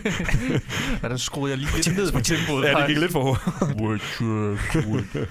Ja, jeg tror, jeg synes, øh, min yndlings øh, god gamle Dario-film er jo øh, Opera. Mm. Og jeg synes jo, der er en sekvens der i, hvor der er nogen, der bliver jagtet igennem en sådan en luftskagt, som er noget af det mest nervepirrende, jeg har set. Altså, det er sådan David Men det er også fordi, Fincher-niveau. du ikke har set Crawl Space med Klaus Kinski nu. Det er nok korrekt. det er noget af det mest nervepirrende. Jamen, den, den kan da hurtigt få set, kan man selvfølgelig sige, men... Øh, kommer Men, aldrig til at kravle ind i en crawl space, spa- crawl space igen, selvom du gerne vil lege John McClane. Det, det, ikke når først du har været vidne til maniske Klaus Kinski. Nå, Jo, det var ja. ja. spor. Nej, så altså, jeg, jeg kan godt lide øh, starten på den der, men der er også på et tidspunkt, hvor jeg igen, jeg, jeg, kan jo mærke, at jeg har gået for logisk til filmen. det, det, fordi der er også et tidspunkt, hvor hun sidder i taxien, og så lige pludselig så klipper den til, at hun løber rundt ud i skoven. Altså, hun løber rundt ud i skoven, og så klipper den tilbage til, hun sidder i taxien. Hvor jeg tænkte, hvor, Nej, det? løber hun rundt ud i skoven. Det er der hende, hun, hende der, øh, der er på flugt, der løber rundt ud i Mm, skoven. Se, så kan jeg ikke se forskel på ja, jeg, troede, så, jeg troede, det var Susie Banyan, der Nej, var nej, der. nej. Hun sidder Nej, i nej. taxaen og observerer, og så det er jo netop det, det hele handler om. Hvad var det, hun så? Hvad var det, hun så, hun sagde ja. der til, på vej ind ad døren? Hvad var det, hun råbte og alt det der? En af de meget spøjse Giallo-ting der, at folk begynder at betvivle deres egen øh, sindstilstand. Hvad har Ja, det gør jeg jo også nu. Må jeg sige, at jeg ikke har forstået det. Den har virket perfekt på det. Argento opererer bare på sådan et metaniveau, altså det, det kan man ikke... er det man Ren gysergutterne, han er gang i der, så. Jeg er meget nysgerrig, øh, Mikkel. Nu er du jo argento connoisseur og jeg ved, du har taget dine øh, din auteurbriller på. Du har læst Andrew Saris' auteurteori endnu en gang. Du har den jo udprintet og liggende ved din, øh, Oh, ved det din er mange side. år siden Ja. efter. Hvad, hvor, hvad gør Argento med, med, med, med sin stil? Hvor- hvordan kan han tillade sig at skabe de her smukke mor, og hvordan kan han ligesom bringe det her mareridt til liv? Mega bare spørgsmål. Øhm. Også når du ikke har nogen øh, ja, visuelle midler til Hvad hedder, hvad hedder gratuitous? Hvad hedder det på Gratuitous, dansk? Ja, hvad hedder sådan noget? Ikke overflødig, Jamen men sådan sådan, uprovokeret, øh, alt, alt for meget. Ja, altså, ja, unødvendigt. ikke noget Unødvendigt, ja. ikke noget overflødigt. Altså, Dario Argento, han siger jo om sin film, der er ikke noget overflødigt i min film, der er ikke noget unødvendigt.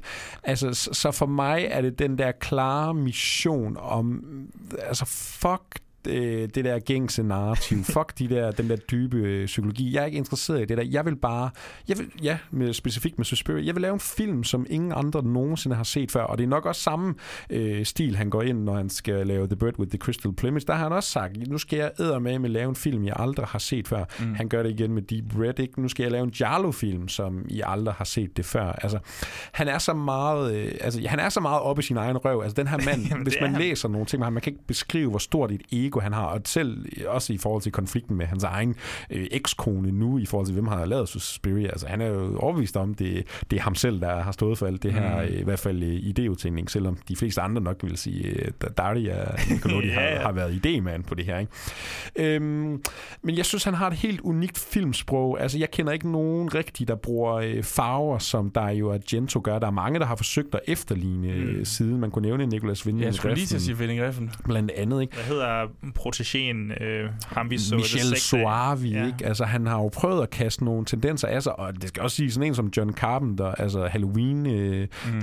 den er jo direkte inspireret af Goblin soundtrack. Altså, Mm. Carpenter har siddet og set det, ikke? Så der er jo Argento, altså man kan heller ikke benægte, nu ved jeg slet ikke, om I svarer på de spørgsmål, Joachim, men man kan ikke benægte, hvor, hvor altså, indflydelsesrig han har været på så mange af de øh, instruktører, vi holder kært i dag. Men jeg synes, jeg synes han har et helt sprog, han arbejder lidt, det er det der, Bjørn, ikke? man skal ikke gå til en Dario Dario Argento-film ud fra en øh, sådan, øh, hvad skal man sige, en gængs logik. Mm. Altså han arbejder kun på Argento-logik, og så er det fuldstændig lige meget, om det er Tenebrae, hvor han er i en alternativ sci-fi version af Italien, eller om det er Opera, som er en ond, sadistisk og kynisk film, der ikke vil der noget godt. Ja, det er fremragende. eller om det er Suspiria, som er sådan et øh, drømmende farvelademareridt af en anden verden. Ikke? Altså, mm. der, der er sgu kun ham, der kan lave film, som han gør det, synes jeg. Noget, han, han minder mig om en anden person, som jeg også elsker netop fordi, og det er når der er folk, der spørger mig, hvordan, hvorfor, hvordan kan det være, at du kan lide ham her? Siger Brian De Palma. Jeg siger Brian De Palma, fordi han laver Se det i film. hans øjne. Og du, man bliver bevidst om, mm. Mm. at de laver film. Ja. Men, men måden, de laver film på, og igen, vi har ikke visuelle øh, medier til, til at gøre brug af i det her sekund, så vi kan simpelthen ikke vise de her skud, han laver. Mm. Men, men det føles så episk på mange måder, når han skal lave de her jagtsekvenser igennem skovene og igennem øh, palæet, dansepalæet og hvad det nu er. Og, og altså bare i selve kamerabevægelserne, det, det er som om alt er planlagt. Du er på en og samme tid i trygge hænder, men også virkelig i nogle mobilige, åbenbart behårede hænder, eller Mm. læderhandsker, jeg ved det ikke. Altså, Jamen, jamen han, ja, undskyld, men Nej, han, men- han, er- han er jo også en mega visionær. Man skal huske de her farver i Suspiria. Han ville jo decideret, ja, lave den som uh, Disneys, øh, hvad hedder den, Snevide og de syv små Mm. dværge, ikke? Så de, var jo, de opfandt sådan en helt særlig måde, og hvor de kunne nærmest aktivere farverne, mm. når de optog, altså on set, ikke? Så de kunne ligesom styre, jamen nu skruer vi helt op for det røde, når vi er nede i sovesalen, og nu kan vi skrue op for det grønne. Og med, altså, det er det her tredelte Technicolor Ja, øh, præcis. øh, film, de har skudt på, hvor man, du ved, så har man farver rød, blå, grøn, gået fra, nej, rød, blå, gul må det være. Er det ikke sådan? jo, det, Eller grøn? Mi, mi, Eller min, øh, grøn, grøn var det. Ja, Ja, og så kan, RGB. så, ja, Ja, præcis. rød- Ja, præcis. Og så kan man skrue op for dem, du ved, i post. Og så selvfølgelig kan de bare give den gas, når de, selv når de optager, men så går jeg ud fra, at man kan gøre et eller andet i post. Mm. Jeg har ikke, altså, der er en årsag til, at jeg ikke Jeg tror, jeg mener, jeg læste noget med, at det var den sidste film, der ligesom var lavet på den her måde. Det var jo noget fra, ja, Technicolor-tiden, ikke? Mm. Mm. men, men det det der med, altså, det sgu ikke bare, han sgu ikke bare sådan en, der går halvhjertet til. Det bliver han så på sine øh, ældre dage, må man sige. Men her i 70'erne og øh, 80'erne, ikke? Altså, det er, fandme, det er fandme en visionær, der skal ud og lave en film, det her. Og der er altså en grund til, at vi, vi fejrer 45 års jubilæum i dag, ikke? Hvordan kan det være, at... Øh, altså, nu spørger, jeg, nu spørger jeg så. Mm. Hvordan kan det være, at han laver de her mor så smukke? Hvordan, hvorfor tror I, ind i hans forskruede hoved, at det er så fedt at se hende her hænge nærmest, jeg ved ikke, Jesu-agtigt et eller andet ned fra, fra, fra, øh, fra loftet der i starten. Jeg synes, det ser så sindssygt ud. Altså, jeg, jeg tror, har vi ikke etableret tidligere, at han er lidt en... Han hader lidt kvinder. altså, Jeg ved ikke, om han, han hader kvinder, men han elsker at se kvinder dø på film i hvert fald. Og øh, ja. han, han, han vil nok blive ked af at blive erklæret øh, misogynist, ikke? og det er også noget, han kommenterer på i Tenebrae. Øh.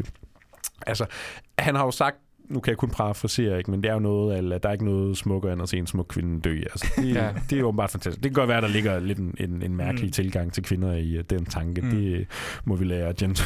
Det, det, det skal vi ikke stå på skud for. Nej, men, øhm, men, men det er jo klart, når man er gyserinstruktør, jamen så må det næste move vel altid være, hvordan, hvordan laver vi en fed dødsscene, ikke? Altså det er jo noget, man virkelig begynder at, at dyrke i 80'erne. Og jeg tror også, nu, har jeg, nu kan man spole tilbage og høre mig beskrive åbningen af den her film, ikke? Altså i alle andres film, så havde det her været, det havde været slutscenen. Altså du kan ikke starte så stort. Det, det, det vil ret mange andre Ja. ja. ikke gøre. Altså, men, men det, det synes jeg jo også er lidt sådan, du ved, så... Åh, oh, wow, oh, okay, nå, og så... Nå, nå nu Ja. går han bare sådan lidt rundt. Og det er jo også det, at den har fået meget kritik Mm, for. ja. det er jo, men jeg elsker, at der er nogen, der starter på Jamen, den jamen, måde. Altså, ja, jeg vil jo våge at påstå, at de sidste 12 minutter kan jo matche næsten Ja, øh, åbningen. Ja, altså, ja, ja, ja, lige præcis. Så, så øhm, Ja, jamen, det er bare, om de kunne være smukke, men, men jeg tror også, og det er jo... Nå jo, hvis du alligevel skal slå nogle kvinder ihjel, så kan du lige så godt du gøre det på en smuk måde. Ja, altså, ja. det ville også være træls, hvis vi bare havde Jamen, en masse lortemor. Præcis, og igen, han er jo en æstetiker, og det har han jo været alle dage, og ja. han er en fyr, der er vokset op blandt uh, Italiens smukkeste skuespillerkvinder i form af sin, altså igennem hans forældre, ikke? Øh, Og, og, og han er en mand, der har uh, dyrket arkitektur og... Uh, Jeg kan stadig huske, at du sagde et, et citat fra hans bog, der var, at han på samme dag opdagede arkitektur, Edgar Allan Poe og onani. Ja, præcis. Ikke? øh, og det er, jo, det er jo meget, altså, om man vil det eller ej, det er meget sigende omkring ham, så han ser jo også bare en smukhed i noget makabert, og det er også, mm. nu var vi ikke rigtig inde på det i starten, men han er jo i sit, virkelig sit livs krise på det her tidspunkt, ikke? Hans, øh, hans forhold skrænder totalt, altså ham og øh, Daria, de snakker ikke sammen i nærmest et år, de har lige, øh, hun har lige født øh, Asia Argento, som jo senere kommer til at medvirke i hans film, øh, hun er et år måske, eller er lige blevet født på det her tidspunkt, ikke? og han ser hende ikke under hele produktionen, så det kan jo være, at der reelt der har været nogle altså, øh, Frustrationer. frustrationer, der skulle ud igennem et visuelt Ja. øh, medie. Ikke? Og han er også decideret, øh, altså han er sådan selvmordstroet på det her tidspunkt. Ikke? Når han er jo typen, når han skal skrive et manuskript, så låser han sig Ja, ja, ind på et hotelværelse. Slukker telefonen. Og så kører han, ja, så kører han, øh, så kører han fuldstændig ud af, men, Mm. men under Suspiria, og også øh, ret meget efter Suspiria, altså det, er sådan, det, det skriver han meget om i sin øh, selvbiografi, der, altså, det var sgu, der var han skulle lige ved at trække stikket og hoppe ud af et vindue fra en eller anden femte sal. Det er fedt lige at få det perspektiv på ham, fordi ofte så føler jeg, at, som du også sagde, han kan være rimelig meget op i sin egen røv og have et stort mm. ego, så det er godt lige at få nogle nuancer på personen. Og så er han også, altså det er unægteligt, jeg ved ikke meget, han i tale sætter det, men jeg føler også, at han er en provokatør, og jeg elsker provokatører, så, så jeg kan fandme godt lide tri, tri og Brian De Palma, hvad det nu ellers er, Haneke og sådan noget. Mm. Så, så der er helt klart de her smukke mor, det der paradoxale i det. Altså jeg ved også, at han bare sidder og klapper sig selv i hænderne, og jeg sidder sådan, åh for helvede, hvor er det fedt, at jeg kan få nogen til at sidde og tænke, det er fandme en flot død kvinde, det der. Mm. Jeg er ikke Ja, i tvivl præcis, om, og- at han vil elske det. Ja. Og, og hvor meget han kan opretholde den der kontrast netop til sine kollegaer, ikke? Lucio Fulci, jamen det er madik og, og Ja, men udsplættede ja. hjerner, ikke? Nå, men så hænger jeg en kvinde, og så får det til at ligne Michelangelo, han har stået bag eller Ja. andet, ikke? Altså det er sgu også ret imponerende, man kan det, ikke? Ja. Ja, godt. Jeg har endnu et spørgsmål. Er det her en Giallo-film? Vi kunne jo have hævet bingopladen frem. på Ja, det vi faktisk ønske. Meget passende. Øhm, Jeg tror, mit svar øh, er altid nej. Jeg synes Mm. ikke, det er en Giallo-film. Øh, den, den kører på mange, altså den kører på mange af samme øh, sådan, ja, stilistiske tegner. Igen, man kan høre og snakke om det i tre timer. Er det overhovedet en genre? Er det en Mm. bølge? Hvad fanden er vi ude i her?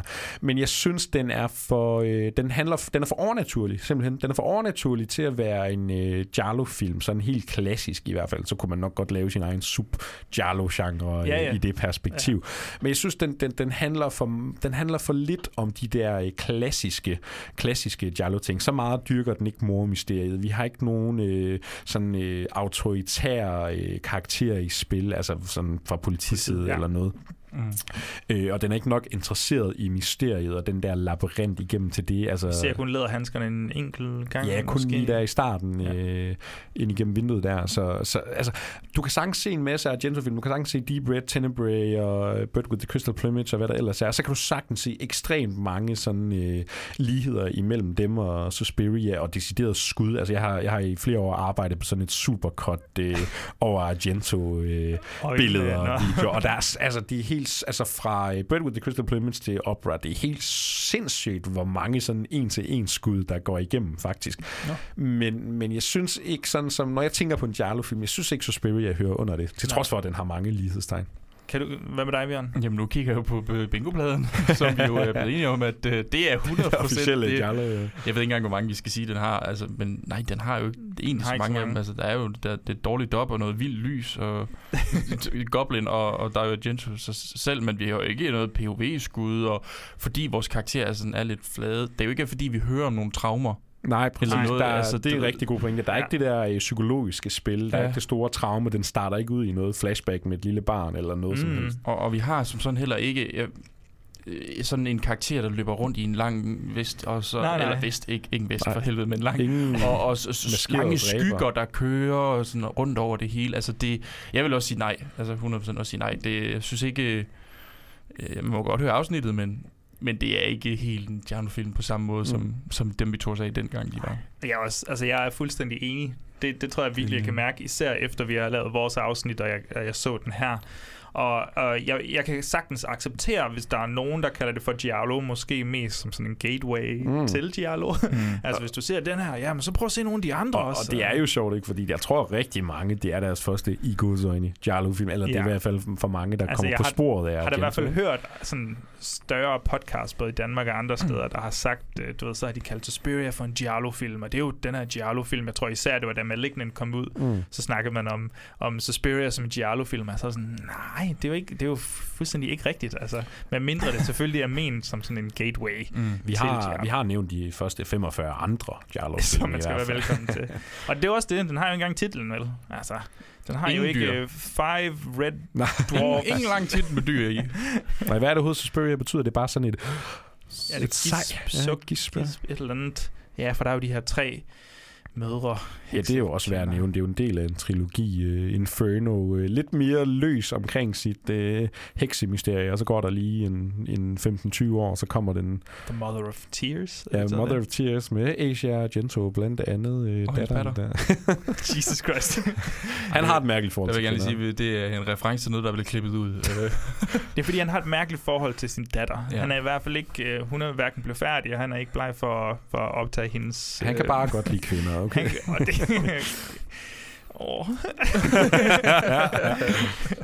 Jamen altså, jeg tror, vi kom meget godt igennem det. Det er som sagt svært at, at snakke om, hvor visuelle hans film er. Jeg synes lidt, at det her podcast-mediet ligesom ikke lige helt kan, kan, kan, kan ramme det bedste sted for os. Jeg øh, smider endnu en breaker på, jeg, og vi ved jo ikke, hvilken breaker vi smider på inden, men jeg formoder, at det er en eller anden form for øh, goblin-musik eller sådan noget. Og så, øh, så hopper vi over og, og snakker om Suspiria 45 år senere. Are you sleeping? No. What's the matter? They lied to us. The directress is here. That's her. One who's snoring. She's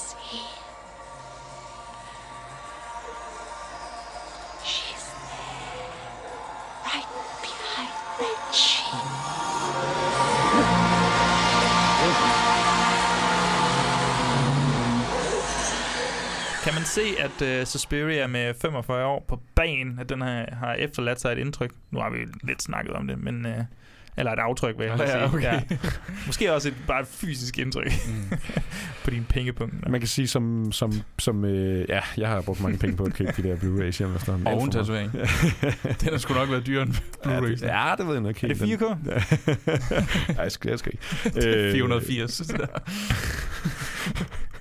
slår I mig fuldstændig ud. Ja, det kloge, jeg skulle til at sige om Suspiria. Ej, hvad Ej, skulle nu du til at vidste sige? du det. Hvad Øj. skulle du til at sige? Der? Jeg, øh, jeg synes, den klart har gjort sit øh, indtryk. Altså alene det nordiske film, de gad at sætte den op til den 40-års jubilæum, det må vidne om en vis status som øh, gyserfilm. Og så synes jeg jo også, som du var inde på, øh, Bjørn, som du havde opdaget den på de her øh, The Greatest Ho- Horror Movies of All Time, eller hvor man nu finder den. ikke. Altså mm. det er en film, jeg tror rigtig mange... Øh, Ja, hvis man ikke bruger den som et gateway ind til italienske gyserfilm, og den der type gyserfilm, så tror jeg, at det rigtig mange har en opdagelse med, hvor de vil sige, sådan har jeg aldrig set en film før. Altså sådan vidste jeg ikke, man kunne lave film før. Okay, jeg har set Jaws og Exorcisten, Suspiria findes også. Altså jeg tror, der er mange, jeg tror, den har gjort indtryk på rigtig mange med, på den måde, om øh, hvor, hvor, hvor almen kendt den så er eller ej. Det tror jeg virkelig. Ja. Jamen, det er jeg 100% med på. Altså, jeg tæ- sad også og tænkte sådan, okay, er det bare selve oplevelsen med det? Det må det jo næsten være, det visuelle Argento, som ja, også kæmpe figur i italienske film. Men jeg sad jo også og var den der trælse Joachim-type, som jeg er jo meget en betydningsmand. Altså, hvad betyder film? Hvad prøver mm. den at sige og sådan noget? Lige indtil det fucking Suspiria, så er det mig, der har den rolle der. og så er jeg bare en idiot for at gøre Nej, det. nej, men jeg sidder sådan, okay, kan man vidderligt grave noget op? Og det eneste, det tror jeg endda også, jeg har teaset, jeg ved ikke, om det var dig, eller vi snakkede om det, men, men hvis man ser det som sådan en allegori, analogi for et, et eventyr, et mørkt eventyr, eller Pans labyrint, så er jeg sådan, okay, det, det, det var måske den indgangsvinkel, jeg havde den her gang, var sådan, wow, det giver mening. Der er ikke noget logik, altså det giver ikke logisk mening, det her. Det er ikke en metafor for sorg, eller mm. et eller andet men du kan- hereditary men- men- moderne, hvor du alt kan- er metaforer. Ja. Du kan jo sagtens tage analysebrillerne på og skrive en akademisk artikel om øh, kvindernes rolle, eller i den her heksegruppe. Nå, men altså, der er jo, altså mændene i den her film, ikke, de er jo kastreret på en eller anden måde. Mm. Du har en blind mand, du har en øh, sådan en Frankensteins En, der monster, ikke der kan går snakke, ja. rundt. og- Idiot savant. Idiot, Ja, præcis, ikke? Og du har en lille dreng. Altså, der er jo ikke nogen mænd i spil. Det er virkelig kvinderne, der styrer den her verden, Mm. ikke? Og øh, den gamle heks er, er meget gammel, spillet af en, en, prosti- en 90-årig prostitueret, skulle det efter sine være. Og sådan, ikke? Så det er virkelig kvindernes verden, og igen kan vi referere til remaket, ikke? Altså, den spiller jo endnu mere sådan på kvinde, øh, ej din krop, og øh, kvinde frigør dig selv. Og igen en film, hvor øh, mændene, ja, der er nogle politibetjente, der er fuldstændig inhabile i, i ægte Giallo-stil, og Mm. den sådan eneste reelle mandlige karakter karakter, der er, jamen han bliver sgu spillet af en dame med, med protesepenis, ikke? Altså, så, men jeg synes sagtens, man kan finde noget dybde i Suspiria, men det er klart... Dem der, du- dem, der ikke har set remake af Suspiria, de blev Jeg virkelig spændte der. Jeg, har- jeg har ikke set den. Jeg fattede ikke, hvad du Nå, må om. du må holde har- det lidt vagt, så. Jeg har godt nok ja. ikke øh, fulgt med i den her film Nå, ordentligt. så. I'm, I'm so sorry, men, øh, men, det, men jeg synes bare, den har sgu noget dybde, hvis du virkelig går til. Du kan sgu finde masser i Suspiria. Og det tror jeg, jeg tror, at det er rigtigt at tage den indgangsvinkel, der så hedder, okay, måske skal man kigge på det som en heksefilm. Fordi hvis der er en, en subgenre inden for horror, der i hvert fald snakker meget om køn, så er det i hvert fald heksegenre. Nu har vi også The Witch vidderligt. Præcis, Og jeg er sikker på, at der er et væld af andre derude. Der er skrevet utallige akademiske artikler om, hvordan Suspiria arbejder i lesbiske forhold, og det ene og det andet. altså, der er masser. Altså, man kan jo selvfølgelig Ja, grave ja. meget ud af meget, ikke, hvis man har lyst, men, men jeg synes klart, at den har noget dybde, hvis man gerne vil gå til det. Men det er klart, at sætter du Suspiria på derhjemme på fjernsynet og skal se en film, så sidder er det måske ikke lige det første, der falder det ind. Det, Nej, det har nej, den nej, simpelthen nej. for travlt med alt muligt Mm. andet til, at, at det nogensinde vil lykkes. Og det er jo også en film, som kritikerne vil sige, "Nå, om stil over substans, og for mig er det vigtigt at have en historie og sådan noget. Altså, Mm. det er ikke et øh, koncept, jeg selv er særlig glad for, så hvis jeg får en masse stil og lækre billeder og sådan noget, så er jeg sgu ret glad. Altså, så. Altså, det, men det er også meget, det er meget stil. Det er meget altså, det er så meget stil, at Meget- meget- han vil sige, meget fed okay, stil. Okay. slap lige af. så fuck off. kan du lige komme ud af din egen røv der. Alan Jones, han sagde jo, at, øh, du ved, quote jeg lige her, Suspiria is both too much, yet not enough. Ja. Ja. Og der går ud fra, at han mener, at det er måske på et story-niveau eller et eller andet, øh, Ja. den ikke lige hænger nok sammen. Jamen, det er sjovt. Nu så jeg lige et øh, kommentarspor med øh, Alan Jones og Kim Newman, horror-eksperten der, og de sidder faktisk og sådan kritiserer den ret meget i, hvor åndssvag den Men de elsker er. den jo. Altså. Og så sidder de jo stadigvæk til sidst og siger, greatest movie of all time. Altså, ikke? så de faktisk kritiserer den ret meget netop, Ja. ja. sådan især på et narrativt plan, Ja. ja. og karaktererne, og hvor fjollede mange af sekvenserne er, hvilket de jo virkelig er. Fuldstændig, men ikke lige ret i, ja. Men det er jo også det, altså jeg, jeg føler, føler på en eller anden måde, altså at lave et remake af den giver jo egentlig okay god mening, Mm. sådan set. Selvom altså, Alan Jones virkelig er meget... Altså, jeg har hørt nogle podcasts fra et ja. Tidspunkt før, altså 2018, hvor Mm. remake kom ud, hvor- Alan Jones virkelig var sådan vocal omkring, at det, hvorfor gør man det her? Det giver ikke nogen fucking mening. Ja. Det, der er ikke nogen, der kommer til at lave noget, der kunne være nær det niveau. Nej, nej, altså, øh, men, men der tænker jeg med i den bare, at vi er sådan, der er lidt enighed om det der med, at der er altså nogle ting, der ligesom halter 100 lidt. Hvis man 100%. kunne have lavet lige så gode billeder og sådan noget, 100 og smidt nogen. Nu Ja, har jeg så ikke set jeg, den. Nej, jeg synes, Alan Jones, altså, han har en helt forkert tilgang til det remake, fordi øh, Luca Guadagnino, det må du sige, Joachim. Guadagnino. Guadagnino. Guadagnino. Han er jo ikke interesseret i at lave en... Der er jo Argento overhovedet Suspiria. Han er jo Se, interesseret i at lave... farven er drænet Præcis. Han, han laver jo fuldstændig sin egen uh, Suspiria-film. Jeg synes personligt, det er en fantastisk Jeg film. elskede den Jeg synes, det er en fantastisk genfortælling af en, en ja, fed præmis, altså Mm. med den her kvinde, der kommer til Berlin. Og, og, og den har netop meget mere psykologisk dybde, meget mere karakterdrama, opbygning, og samtidig har den de her vilde stilistiske ting, som man, hvis man er fan af Argento Suspiria, så finder man altså også det her. Men det er sådan en, Og der... karakteren, eller nærmere skuespillerne, den casting, der er Mm, til jamen, Swinton 100 blandt andet, ikke? Og, og, men det er sådan en, puristerne selvfølgelig vil sige, der er kun en, der kan lave Suspiria, det er selvfølgelig dig, Jeg synes Argento. Jeg synes, det er en de forkert måde at gå på. koexistere, altså, 100 helt procent. virkelig. 100 procent. Jeg synes, det er en virkelig interessant film. Hvad med, hvad med Argento efter Suspiria? Hvad sker der så? Det har vi jo heldigvis taget en ekspert med herover. Og du har jo faktisk bevandret dig meget i, øh, i Argento efter Suspiria, generelt hele hans karriere, og det har jo medført nogle traumer. Udover trauma. Og, ja, og gode stunder. Ja, men, Gode traumer og dårlige traumer. Hensigten er selvfølgelig at se dem alle. Jeg er ikke øh, helt kommet dertil. Man kan jo starte med at tage... øh, Der kommer jo Inferno i øh, 1980. Øh, ja, 1980, 81. Mhm, Mm-hmm. Nej, jeg tror, det er 1980. Dario Argento, han siger, det er en af hans egne absolutte hadefilm. Han øh, Okay, nå, tror det også, han var et ret skidt sådan, øh, mentalt sted under hele processen, men han er virkelig glad for den her film. Og øh, den er jo faktisk, vil jeg våge at påstå, endnu mere sådan stilistisk drevet, end øh, Suspiria øh, har intentioner om at være. Fordi her er det virkelig nogle lange sekvenser med folk, der bare sådan går rundt og svømmer rundt i nogle sindssyge farver. Og, og så slutter den, tager den igen lige de der sidste fem minutter, hvor det går fuldstændig amok. Og har også nogle ret brutale drabscenarier. Hvor, jeg har jo aldrig set den. Jeg ved, har du set den, Bjørn? Nej. Hvor relateret er den til Suspiria? Ikke særlig meget. Altså, du kan sagtens se rent stilistisk, der er der mange sådan ting, den, den snakker lidt samme sprog, øhm, og jeg kan ikke huske, om Goblin også har lavet soundtracket til den, men den har, også, den har lidt mere sådan synth-drevet soundtrack, hvis jeg ikke tager helt fejl. Nu lidt tid Okay. siden, jeg har set den. Øhm, men den er meget mere... Altså, det, altså, kan du ikke lide Suspiria, fordi der er for meget stil, så kan du i hvert fald ikke lide Inferno, fordi det er, altså, Spændende, det er altså mere af det samme, og så er det meget mere sådan abstrakt. Og den eneste, det det er jo baseret på faktisk en gammel, øh, rigtig bog, den her øh, Mother... Mother Er de ikke alle sammen det, eller hvad? Altså ham er Thomas Dickinson. jo, lige præcis. Jeg, hvad hedder, jeg kan ikke huske, hvad bogen hedder, men øh, der, der skriver han jo altså Mother Suspirium og Mother... Øh, der er faktisk også en, der hedder Mother Tenebrae. Det er hende øh, Inferno handler om. Hvorfor han ikke har- Suspiria de profundis. Ja, lige præcis. Øh, Så han snakker om øh, Mother Tenebra, og så er det Mother et eller andet, når vi kommer til yes. Mother of Tears op i 2007 eller 4 eller under fanden den er fra. Det er virkelig øh, der, hvor Dario Argento han går ind i sin øh, rigtig dårlige periode. Det er virkelig en... De, den, de første 15 minutter er ret fede, og man tænker, yes, Dario Argento han er tilbage i stor form, men så går det ligesom ned ad bakke, fordi der bare er noget kiksede effekter, og der er ikke samme fede farver og stil. Og, men Udo Kier, han vender tilbage i en, en anden rolle, så den er lidt connected, og den har en del faktisk opera-referencer, øh, hvilket er meget sjovt, selvom det ikke har noget med noget at gøre inden for det univers. Hvad har han ellers lavet? Phantom of the Opera. Han også øh, bevæget sig i... Sagde du det? Han laver et uh, Phantom of the Opera ja, adaptation, kan man vel Det er ikke kalde noget, det. du har... Jeg har set den, og det er en frygtelig film, og han er mest, øh, han er mest, op, han er mest besat af øh, ja, øh, portrættere sin øh, datter i øh, mærkelige scenarier, og en, en eller anden, øh, ham, ham fantomet, han er meget øh, optaget af rotter og sådan noget. Det er en meget mærkelig film. Den er virkelig ikke særlig god. Så har du nævnt mesterværket Dracula 3D.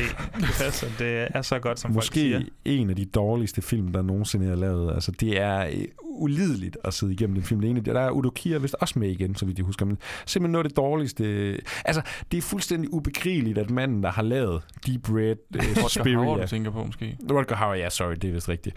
Øh, men det er fuldstændig ubegribeligt, at manden, der har lavet de her øh, fantastisk visuelle øh, og sådan sanseangribende, fuldstændig unikke film, han så laver det lort der. Altså, jeg ved sgu ikke lige, hvad der sker med ham op igennem nullerne. Jeg tror, han er blevet lidt træt af, af, af film på en eller anden måde. Han virker som sådan lidt en sur gammel mand.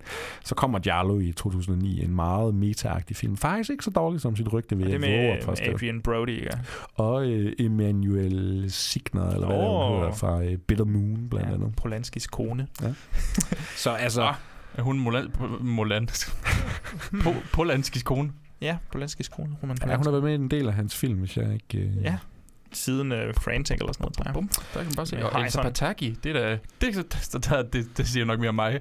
Det er Chris Hemsworths kone. det er Thors kone. Det Og så skal det jo... Øh, si- ja, jeg ved ikke, skal vi lave en Polanski podcast i stedet for? eller? Ja, det kan det er lige før. Ej. Skal det jo siges, at det er Dario Argento, han har lavet sin første film i 10 år. Han er simpelthen øh, verdenspremiere med Dark Glasses på Berlin Film, Filmfestival, som løber af stablen i de her dage, faktisk. Mm. Øh, Den får lidt lidt blandet modtagelse. bedre end nogle af de dårligere En Dracula Argento. 3D, eller hvad? Ja, men ikke nødvendigvis back to form. Ej, mange vil nok sige, det, det er hans bedste film i 20 år, men altså, der skal virkelig heller ikke meget til. Så er der Diana, a young woman who lost her sight, finds a guide in a Chinese boy named Chen. Together they will track down a dangerous killer through the darkness of Italy. Så det lyder jo på sin vis meget Giallo. Og Asia Argento, hun er Ja. tilbage i en hovedrolle. Og, Hvor meget skal vi gætte på? Øh, hun, øh, Hun, hun må næsten smide toppen på hvor et eller andet gammel er hun på nuværende tidspunkt? Det. Hvis du siger, hun er født i 77, så må hun jo nærmest være 45, kan man sige. Ja, men hende Ah, har det jo også 76. været mange problemer Hun havde også med. sin, hun 75. startede MeToo, og så har hun pludselig sin egen MeToo-skandale, og nu lever hun faktisk lidt sådan i isolation i Hamburg, tror jeg det er. Eller det, det er der er gang i Argento-familien i hvert fald. pokker, ja. Og, ja, Daria, der døde for er det halvandet år siden. Ja, eller sådan noget, måske. Ja. Jeg ved, det kan godt være, det er forkert. Men i den stil, godt. Vi øh, kommer også igennem Argento. Der er der nogle sidste ting, vi lige skal igennem med her. Er I, øh, er I tilfredse med, hvad vi har snakket om indtil videre? Jeg er meget tilfreds. Jeg, øh, Det er meget fint. Vi evaluerer lige her, og så vender vi tilbage.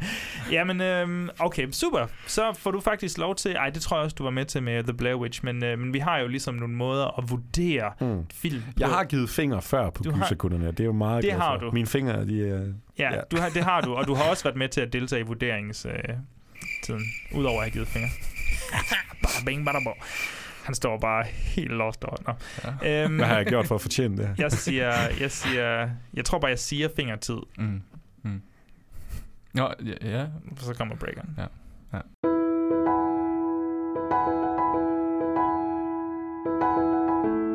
Vurderingsjingle.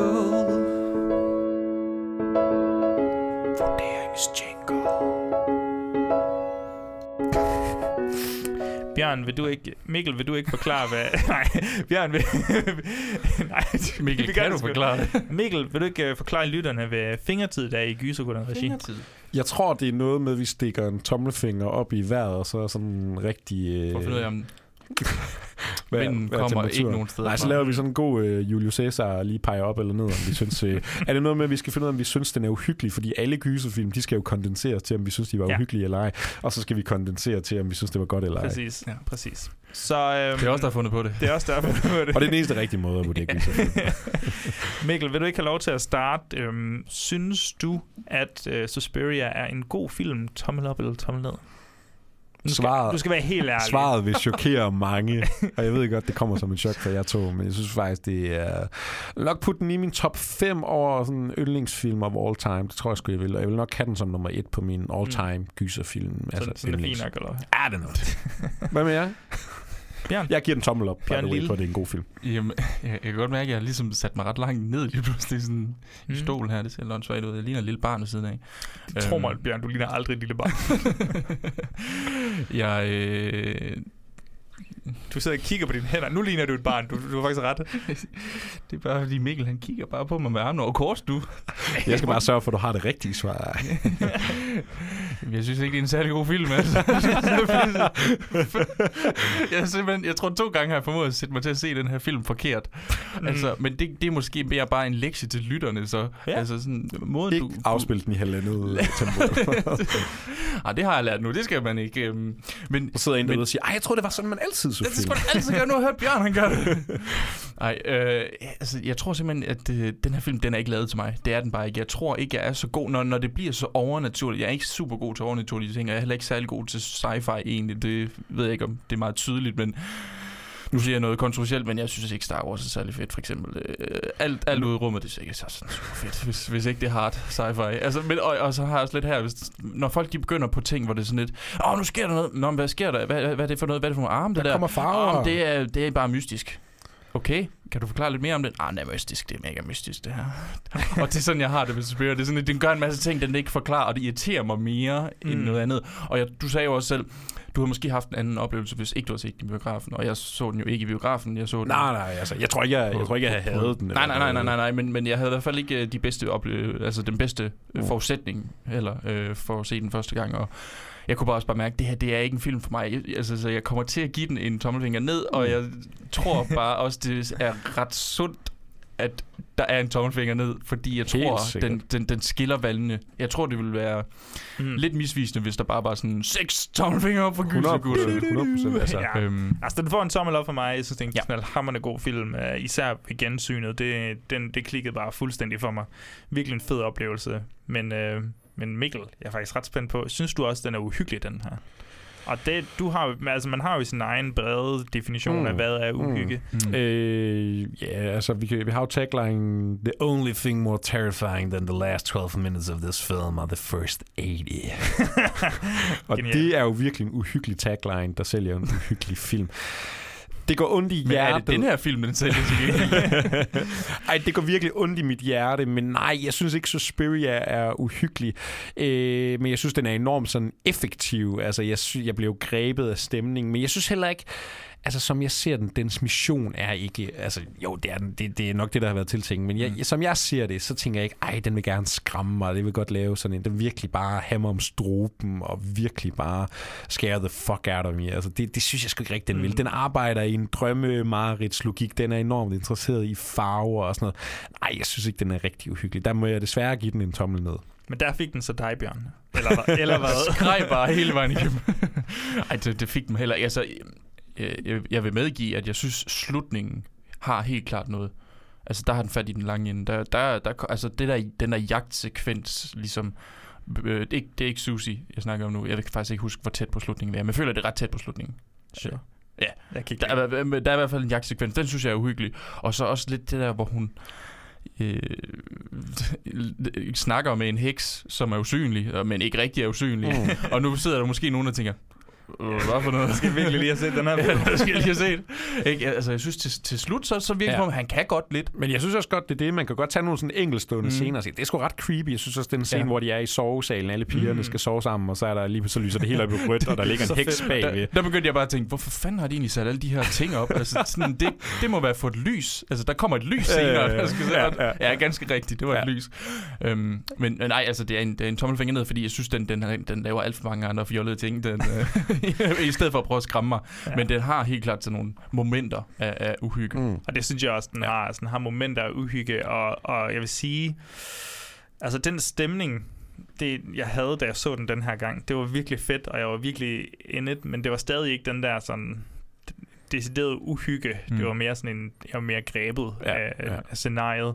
Øhm, så den får, jeg er sgu også ked af det, og jeg synes ikke, det reflekterer ordentligt, hvad det er for en slags film, men den får altså også en tommel ned af, mm. Mm. af mig, og det forhåbentlig, hvis folk er nået hertil, så har de jo hørt den halvanden time, der er gået forud, hvor, øh, hvor vi i hvert fald mig og Mikkel mest måske har rosen til skyer, da den gør nogle spændende ting. Ja. Så, så det, er ikke, det er ikke kun tommelfingeren, der gælder. Altså det skud, hvor uh, Susie Banyan, hun sidder i, uh, i taxaen på vej derind, og hun sådan kigger nærmest ind i kameraet, og det lige uh, kommer nogle farver hen over ansigtet. Det er jo måske det bedste skud i hele filmen, jeg.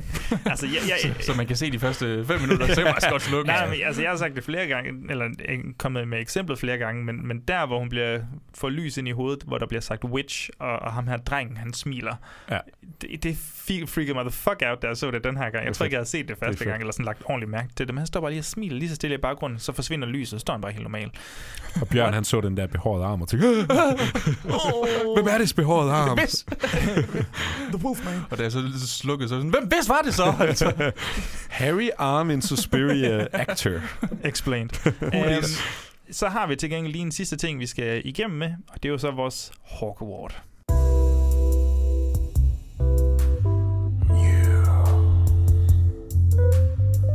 It's Hulk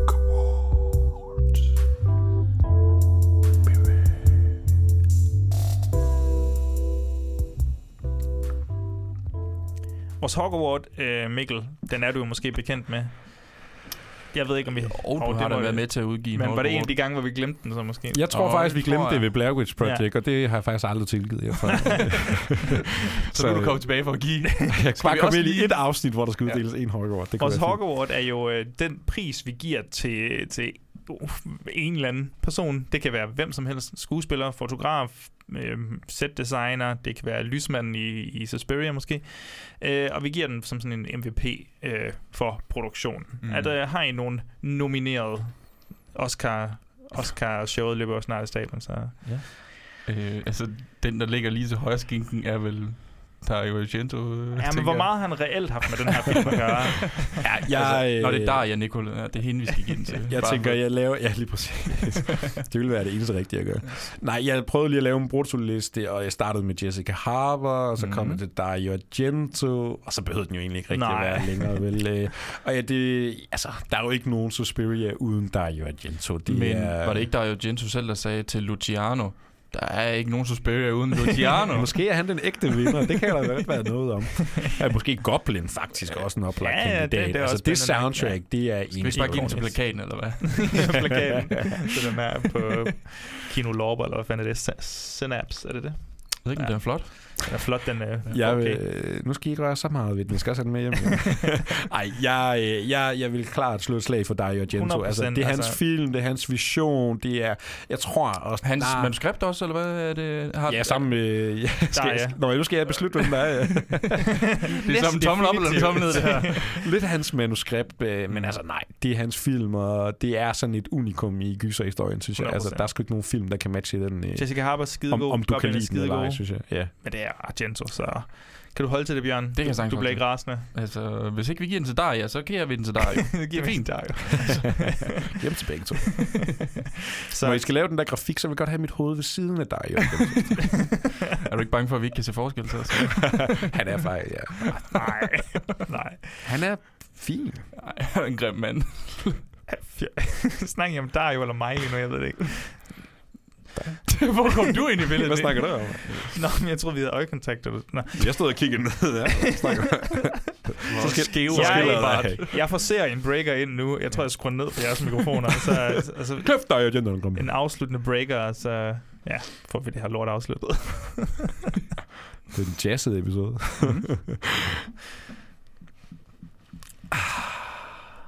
Witches. Witch. Witch. Så blev vi færdige med Suspiria. Jeg synes faktisk, vi slapper ret godt afsted med det. Hvis jeg skal være ærlig. Jeg var lidt ræd. Det er 45 års jubilæum. Der er Mhm. mange, der elsker den. Der er Mhm. sagt meget om den. Mhm. Jeg var reelt bange for, hvor meget man egentlig kunne sige om den. Især fordi det er et podcast-medie, vi har. Det her det er jo en film, der nærmest kræver, eller bækker, øh, beder, øh, bønfalder hedder det, om et, Tigger. om et, øh, om et video-essay mere end en podcast. Selvfølgelig. Men øh, vi- jeg synes, vi slapper Ej, ret det ville også godt være ærgerligt bare fuldstændig at sige, "Jamen, så kan vi ikke lave noget om ham. Ja, men 100 procent, men, men man ved bare, at de der farver der... Du kan ikke høre Suspiria, du skal se den. Men du kan høre det der Goblin Sound. Ja, det kan du Ja, godt. det Så kan Det vi der har godt man fået noget for Det podcastpengene, til, det er ja. helt sikkert. Så det er meget tilfreds med. Øh, Nu, Mikkel, er der noget, du vil, du vil plukke her på faldrebet? Jeg vil sige, at det var utrolig dejligt at komme ind til at snakke om Suspiria. Det har jeg jo drømt om øh, lige siden jeg var barn, har jeg lyst til at sige. Altså, det, 2017. Ja, lige siden Åh, oh, der, 2017. bl- gid, der bliver lavet en podcast, der snakker om gyserfilm, hvor jeg kan få lov til at være med i. Og de forhåbentlig er bosat i Aarhus. Ja, for jeg tænkte, den der Suspiria-podcast, ah, den bliver nok ikke så populær, som så- jeg gerne vil have, den skal være. Så nej, det vil jeg gerne sige tusind tak for, og øh, så øh, er jeg jo også, øh, nyder man den her stemme, så kan man jo hoppe over på Movie Podcast, eller høre Den er Joachims altså også stemme. god, ja. Så øh, ja, vi har lige snakket Nicolas Cage blandt andet, og øh, anmelder alle de der ting der. Vi har ikke anmeldt Suspiria, men... Øh, Vi har anmeldt en masse andre gyser ting, men det er så også det, vi har anmeldt. her, Nightmare sige. Alley, den skal man da lige over og høre lidt, øh, lidt en anmeldelse af, måske. det kan man gøre. Skide godt. Der så er sker masser over på Movie så Podcast. Så jo det, jeg siger, er bare, hop over og hør med.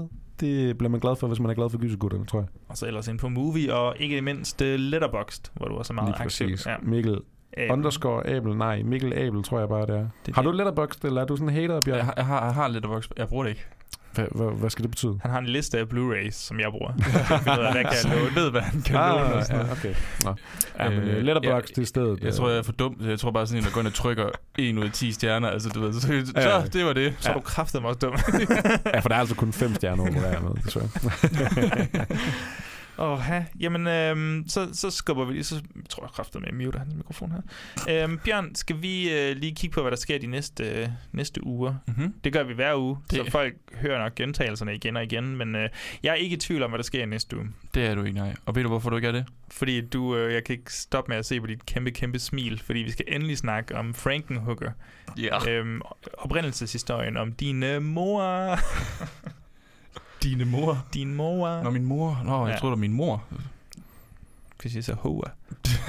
Jeg kan mærke, det bliver et sjovt Det- afsnit. Det er specielt, fordi min mor, hun er sådan en, der deler, at der er udkommet et afsnit på Men Facebook. hun Hun, lytter lytter ikke ikke. Hun aner ikke, hvad jeg siger. Hun er sådan, prøv lige at lytte til det her.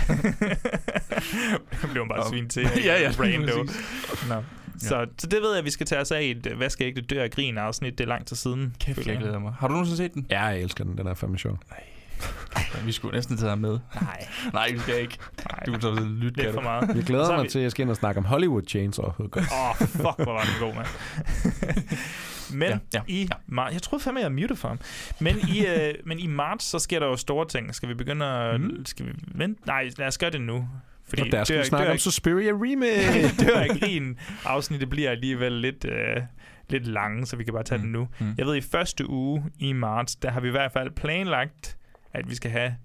Vi skal lige have fundet på, øh, på fundet et fedt navn. fedt navn til det, men sådan en instruktør-episode, Ja. fokus, hvor vi så kigger på Eli Roth. Mm. Det har vi planlagt. Vi mangler at se lidt hister her, Ja. men øh, vi er ved at være godt efter det. Mm. Han har ikke lige fået lavet en øh, selvbiografi eller et eller andet endnu, føler jeg. Så, Det er lidt ærgerligt. jeg må, jeg, må, Han er meget aktiv på Instagram til gengæld. Så.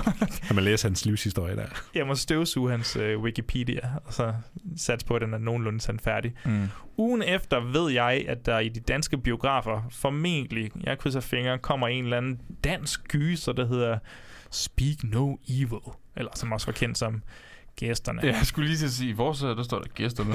Men, øh, men den, jeg ved ikke, om den har den offici- har den ikke officielt skiftet til Speak No Evil? Det tror jeg faktisk, den har. Det føler jeg, at den har efter Sundance-succesen. Så der tænker vi, at vi skal tage os af Benelux, det var jo en federe titel, men øh, Benelux. Var det originaltitlen? Ja. Shit. sælger måske ikke så mange billetter. Nej, det gør den nok I ikke. Asien, der bliver den solgt som Nej, pas på. Suspiria 3. Nå, okay. For helvede, jeg tror du skulle til et eller andet mega racistisk. Eller jeg håbede på. Øhm, men så tænkte vi, vi kan jo ikke tage af den som sådan, så vi skal tage en anden dansk gyser. Jeg ved, at nattevagten ligger på filmstriben. Er det ikke bare at gøre det? jo, for søren. Ole Bornedal. Gode gamle Borne Oledal. Og så vælger Holy I ikke what? at tage midsommer. Det er fandme en fejl. Jamen, vi det har taget med sommer. Nå, nej, men jeg mener den gode midsommer. uh, spicy. Og nu begynder jeg så i in my mind palace at miste overblik over, hvad der kommer efter det. Så er vi vel ude i noget... Ja! jeg kom på det. Godt. Men sig det. Nej, jeg vil gerne høre det, fordi hvis du kommer på noget forkert, så er det lidt sjovt. Åh, oh, fuck, det er jeg måske. Så det dør jeg grin igen, jo. Ja, det er det faktisk. Det er nemlig The Howling 2. Mm. Og, hvor, og hvorfor er det lige, at det, vi har... Fordi vi kommer med en top 5 Ja. ugen efter over mm. bedste varulvefilm. Og jeg er allerede godt i gang. Er du godt i gang? Ja. Er du det? Ja, Sejt. lidt langsomt, men... jeg er godt i gang. Jeg har bare ikke set noget det. øhm, så det, det glæder mig også meget til. Mikkel, har du nogle øh, anbefalinger til varulvefilm? Øh, de sidste 20 sekunder af Howling 2, det er måske den bedste varulvefilm. Det er ikke der, hvor man bare ser et par ballademøder. Jeg siger bare, det er en god end credit scene, så det er det, jeg siger. Er det en 10 ud af 10 på... Ja, det vil jeg mene. Og Christopher Lee, han har sådan nogle hurtige briller på. Det er, det er et fænomenalt syn. Altså. Men jeg er faktisk meget spændt på, hvad I kommer med i jeres top 5, fordi når jeg sådan lige tænker på varulvefilm, jeg synes ikke rigtigt, jeg sådan Nej, kommer i tanke er- om en hel er masse interessant. Så jeg Ja. håber, I finder noget Kan vi snakke om andet end American Werewolf og, og The Howling? Mit frygt, det er, at vi kommer til at have sådan en top 5, der bare byttet rundt på hinanden. Så det er også meget spændt på. Men mm. Mm. i hvert fald, så vil jeg sige tak til dig, Bjørn, som altid. Selv tak. Og ikke desto mindre tak til dig, Mikkel, fordi du endnu en gang gad at gæste i Gysergutterne. Tak skal du have. Det er simpelthen den største fornøjelse i mit meget triste liv. Jesus Christ, vi laver en der podcast om. Nå. Ej, det var, det var fantastisk at være her. Det er jeg meget glad for. Jeg håber, I vil invitere mig igen på et eller andet tidspunkt. Hvis vi skulle invitere dig... Ej, vi har faktisk allerede... Jeg har i hvert fald skrevet en ind i dokumentet, som vi har snakket om. Nå, men det ved jeg ikke noget om, Mikkel har jo en, ja. en suveræn date-historie med den her film, der kommer, når den får 20 års Mhm. jubilæum. Er det sådan? Mm-hmm. Ja. Kan du, ved, du ved godt, hvad det er? Jeg ved godt, hvad vi snakker. Så vi skal Men- snakke lidt... Så vi skal øh, snart på date. vi skal snakke lidt... Vi skal En, en lille fransk, det skal vi french kisse, eller hvad? Yes, gå igennem tunnelen. Og, Jeg føler, at øh, vi også ligesom committed lidt nu, og så alle de film, du har tatoveret, der, øh, så er du free pass til at få lov til at Nå. komme ind. Så skal jeg jo ned. Men jeg, Uh-huh. Hitchcock. Kan du godt holde til at snakke om det? øh, en enkelt episode, eller hvad? Det er godt. Okay. Tak for i dag, gutter. Selv tak. Hej, hej.